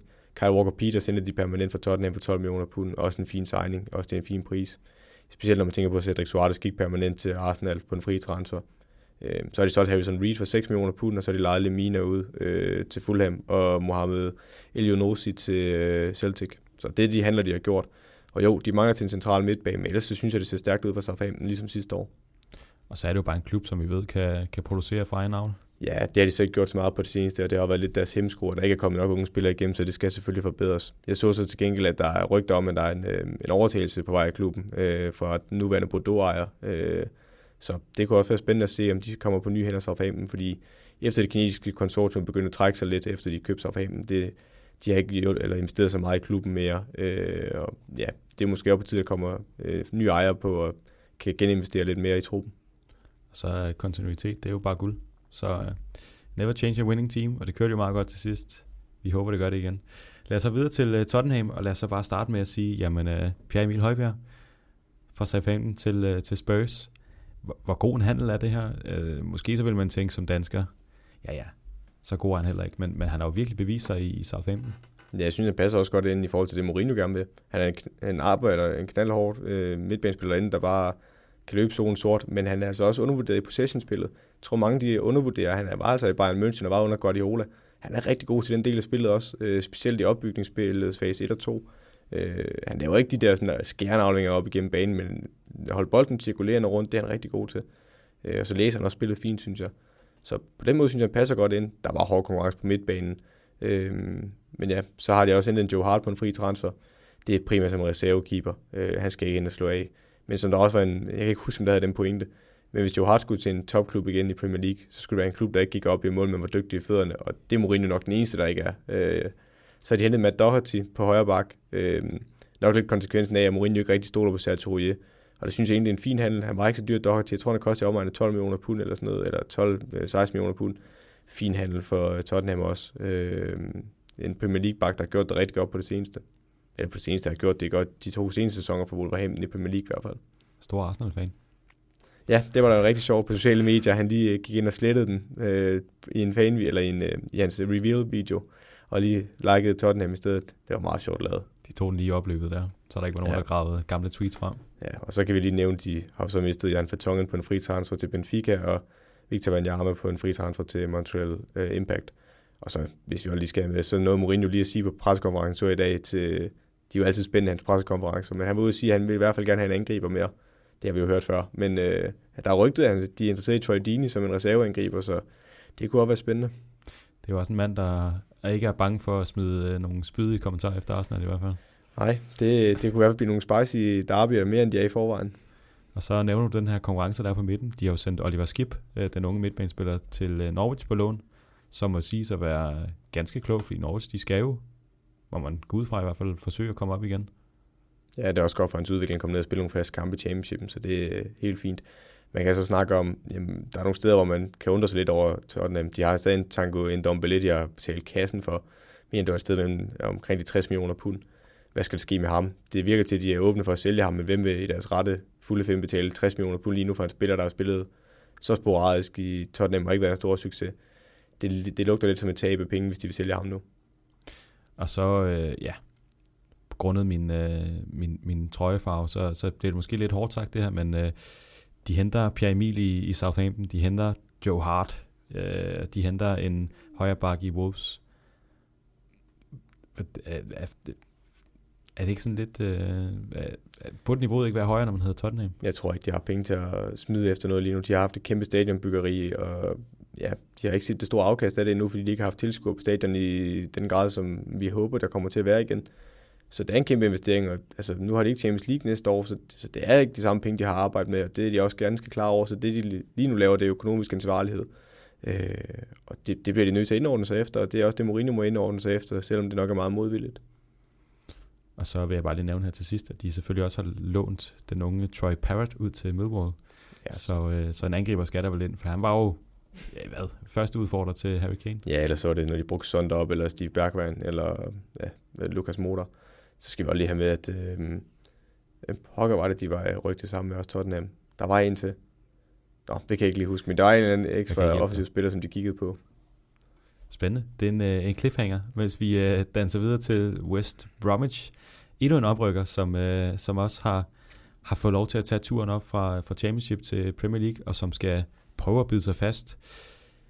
De har øh, hentet lidt både øh, engelske, men også øh, en mand i Sporting.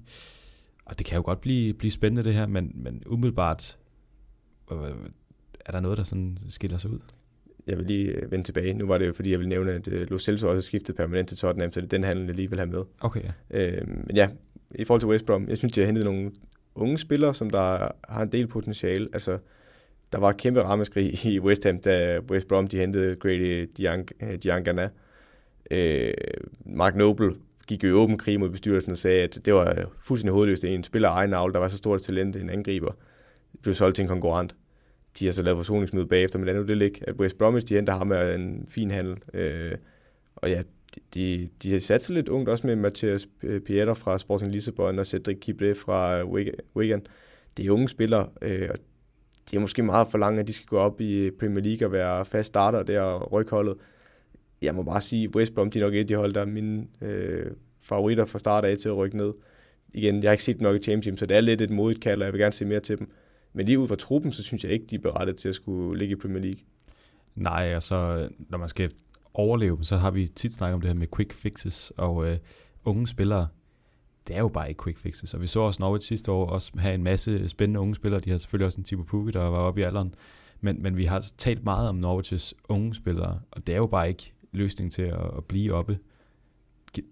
Altså, er der nogen chance for, at West Bromwich de, øh, kan få et afkast fra det her? hvis de overlever, så kan det jo vise sig at være øh, imponerende investeringer, fordi så kan lige pludselig, det de smider for Diagana, kan jo blive dobblet, måske tredoblet.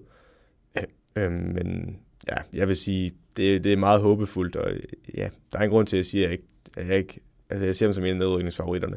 Øh, men det kan selvfølgelig være, at de modbeviser mig. Det kan være. Lad os så videre til, øh, til netop West Ham, som, øh, som de har hentet Diangana i. De har, øh, ja, de har jo selvfølgelig fået Thomas Suchek på en, en permanent aftale, som der også var snak om, at hvis nu de overlevede, jamen, så vil han gerne blive der, og det har han så også øh, gjort. Udover det, jamen, så øh, det er ikke det store. De har sat øh, Zabaleta fri. Det havde måske også forventet. Så har de selvfølgelig selv til, solgt Diangana til, til West Bromwich. Men ellers så er det ikke meget, der er sket i, i West Ham. Det største, det er måske faktisk, at de har kunne holde på de spillere, de har kunne. At øh, en Michael Antonio, han ikke er, er taget videre. Og det er måske fordi, de, eller det er helt sikkert, fordi de, de fik overlevet her i Premier League i den seneste sæson. Ja, og så, også, så er det jo mistet en Jeremy Ngakia til Watford på en fri transfer, og ja, så, så vi snakker om Dian Gana, og så Aya Titerøj til Celtic. Og de har ikke brugt store penge. Thomas Susek synes jeg spillede rigtig godt sidste, sidste sæson, da han kom til for Slavia Prag, så det er ganske fornuftigt, at de har hentet ham permanent. Og så har de prøvet at hente James Tarkovsky, som vi snakkede om i Burnley-forbindelsen. Øhm, og det ville også være et godt indkøb for West Ham, hvis det kan lade sig gøre. Men nej, man må huske, at West Ham har brugt rigtig, rigtig mange penge på transfer sidste år. Sebastian har lært som ikke har set det store afkast fra endnu. Felipe Andersen gik der rygter om, at de vil lege ud i den her sæson til nogle af de større klubber for en mindre beløb. Altså bare for at slippe for lønninger og måske bare vende lidt tilbage de penge. Jeg tror, det var 5 millioner pund, de vil lege ham for, hvilket jeg synes virker helt åndssvagt. Så der rygter om Jarmolenko til, til Kina, til den samme klub, som Fellaini spiller i. Øh, jeg tror bare, de er i gang med at trimme løntjekken lige nu, West Ham. Og så selvfølgelig en Tarkovsky er fint, men det er jo en proven Premier League-spiller, som der har gjort det rigtig godt sidste sæson, så jeg kan godt forstå, at de smider de penge for ham. Men ellers så tror jeg bare, at de også viser økonomisk ansvarlighed, og så må de lige stabilisere sig en sæson. Ja, så West Ham, de er heller ikke klubben, der øh, altså, har rygter for at være, være helt vildt rige. De fik også et uh, stadion her inden for, de, ah, det er selvfølgelig ved at være nogle år siden, men det er jo ikke en klub, der vælter sig i penge. Man kan vel heller ikke men, forvente, at de tager de helt store Jeg tror jeg spillere. faktisk, du skal passe på, hvad du siger, for jeg tror, West Ham faktisk er blandt de 20 rigeste klubber i verden. Okay. Øh, og det tror jeg primært, fordi de ligger i London, fordi de har Premier League-indtægter, og på grund af stadion-indtægter, de kan potentielt hive. Øh, og så er deres ejer også forholdsvis rige. Så, så jeg tror, de er rige, men de går og tror... Så vil jeg simpelthen sige, brug øh, nogle penge. Ja, kom, men, ud, kom ud og brug nogle penge. men det er jo lige netop det, de har gjort. Jeg tror måske, de er ved at tage ved lære at sige, okay, hvad er det reelt, vi har? Hvad, skal, altså, hvad kan de her spillere egentlig, inden vi begynder bare at fyre dem afsted igen? Jeg ved også, de snakker om at ophæve Jack Wilsheres kontrakt gensidigt med ham.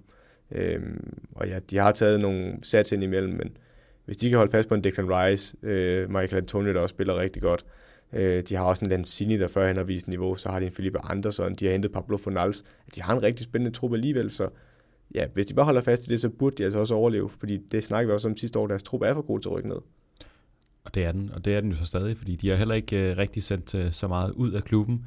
Så lad os hoppe videre til uh, vores sidste klub i den her omgang, og det er selvfølgelig, selvfølgelig Wolverhampton. Jeg, jeg var lige klar til at lave uh, den Wolver-lyd der, så den kom lidt for tidligt. Men uh, Wolverhampton, de har øh, selvfølgelig hentet nogle portugiser, fordi der skal jo flere af dem ind i truppen. Absolut.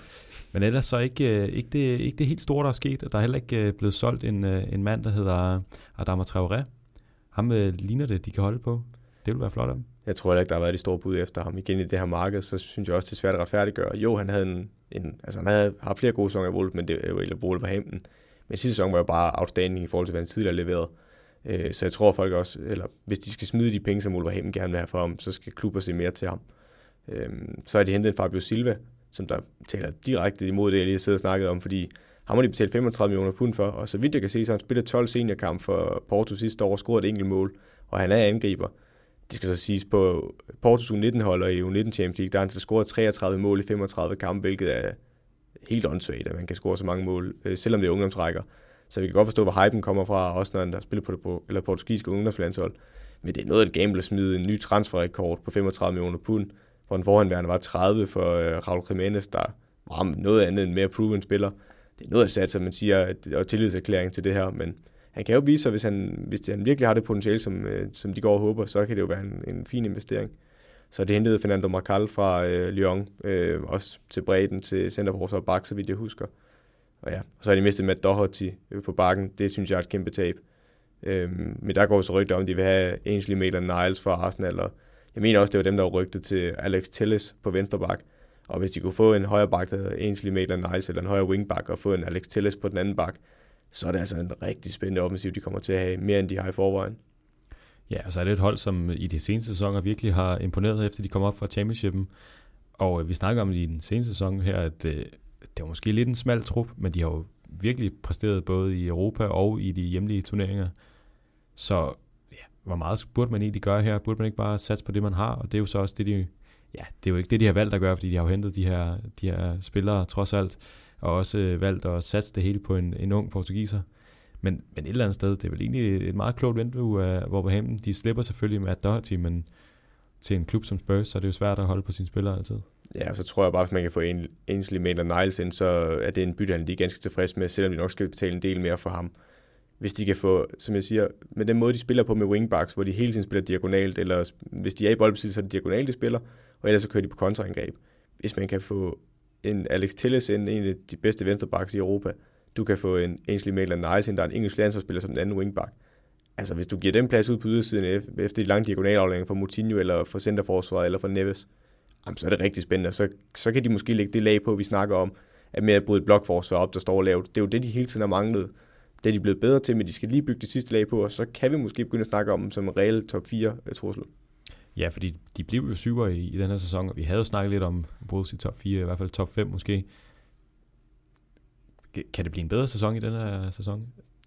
Er ganske givet, det kan det sagtens. Øhm, vi skal så huske, at hvis vi giver ris til United og Chelsea for, at de kommer i top 4 i en historisk dårlig pointhøst i forhold til øh, top 4, skal vi også huske, at det hører så også for Wolverhampton, så de skal op sig endnu mere. Øh, og jeg tror måske bare, at Chelsea og United, hvis Chelsea vel og mærke kan få nogle af de nye spillere til at fungere, også vil være stærkere end næste år. Øh, men jeg ser dem som en sikker top 7. Altså hvis, hvis de kan få de spillere, vi lige snakkede om, oven i dem, de har nu, så synes jeg dem som en stensikker top 7. Spændende. Det vil jeg hænge op på. Jamen, så skal de også lige hente de spillere faktisk. de have Alex Telles. Det var det, selvfølgelig min apostrof. Det er klart. Det er ja. klart. Du kan altid lige rygdække dig med eller andet. Absolut. Det er klart.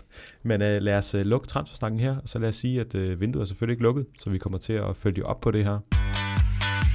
Nu har vi selvfølgelig set lidt frem mod den kommende sæson, men jeg vil bare lige nævne første runde, hvilke kampe der skal spilles, og så vil jeg lige sætte dig lidt på spidsen bagefter, men det uh, kan være en lille cliffhanger. Du kan forberede dig mentalt på, på fire skarpe. Øh, men i hvert fald så her i den første runde, der ligger den ud med øh, Arsenal, der tager en tur til Fulham.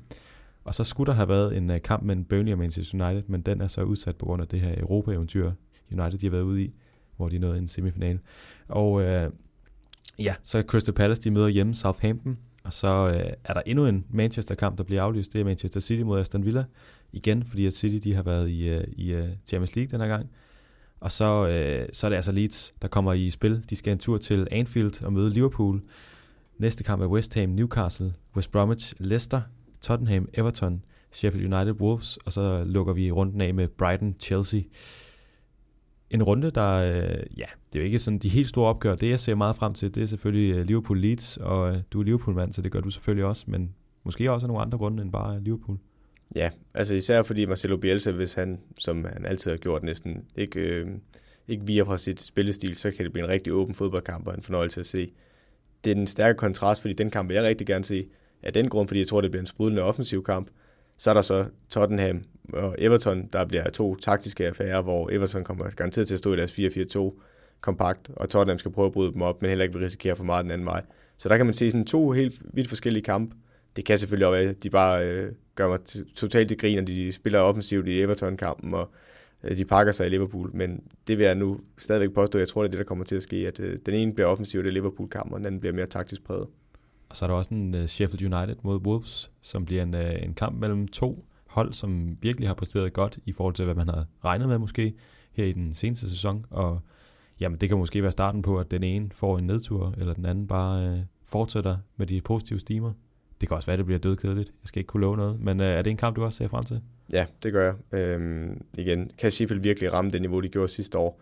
Det kan man jo godt tvivle lidt på, øh, fordi det virker lidt som om, de fangede lightning in a bottle. Men Wolverhampton igen, det er også en mulighed for, at de skal bryde et hold op, der står godt defensivt, og det havde de problemer med sidste år i perioder, og jamen har de rykket sig.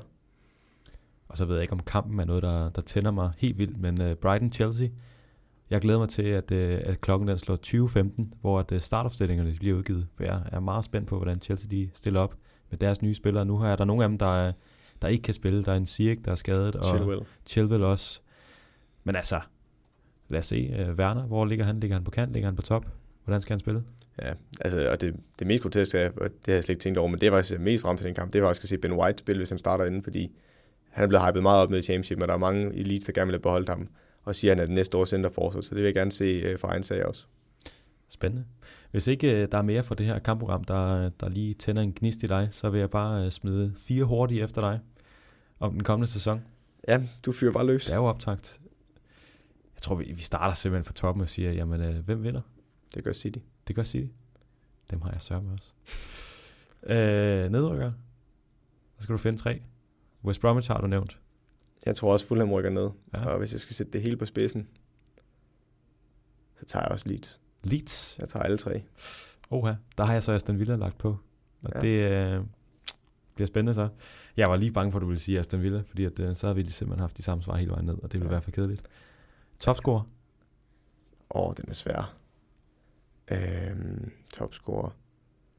Jamen, jeg kunne være kedelig. Jeg tror, jeg tror, jeg er frisk, og jeg siger... Jeg vil høre, det kedelige svar er bagefter så. Ja, jamen jeg tror... Hmm, den er svær. Jamen, jeg havde et kedeligt svar, men nu kommer jeg med lidt mere frisk, det siger Rashford. Rashford? Ja. Ja? Hvad var det kedelige? Harry Kane. Okay. Jeg har Pierre-Emerick Aubameyang, og det er uden at være farvet. Homer. Det er uden at være farvet. uh, en sidste, og det er simpelthen, fordi jeg regner med, at du bare siger ham. Flest assist? Kevin De Bruyne. Det er klart. Og uh, med det, så uh, blev det næsten to timer. Det kan godt være, den bliver to timer, når vi først får lagt uh, jingles på det hele. Så uh, kæmpe maraton. Ja, skal vi også lige huske, er det, vi altid skal takke, når vi optager? Ja, vores lyttere og hinanden. Ja, så er der også nogen, der er med til at gøre det her muligt. Det er selvfølgelig rigtigt. Vi sidder i et uh, rigtig dejligt studie, som har en behagelig temperatur. Jeg sveder under armene, det er ikke uh, derfor. Men tak til uh, Stål, som uh, endnu en gang har lagt studie til det her fantastiske talkshow, som Ja, vi sidder og det er super underholder os, os selv med. Det er det virkelig. Det giver nogle, øh, nogle flere muligheder.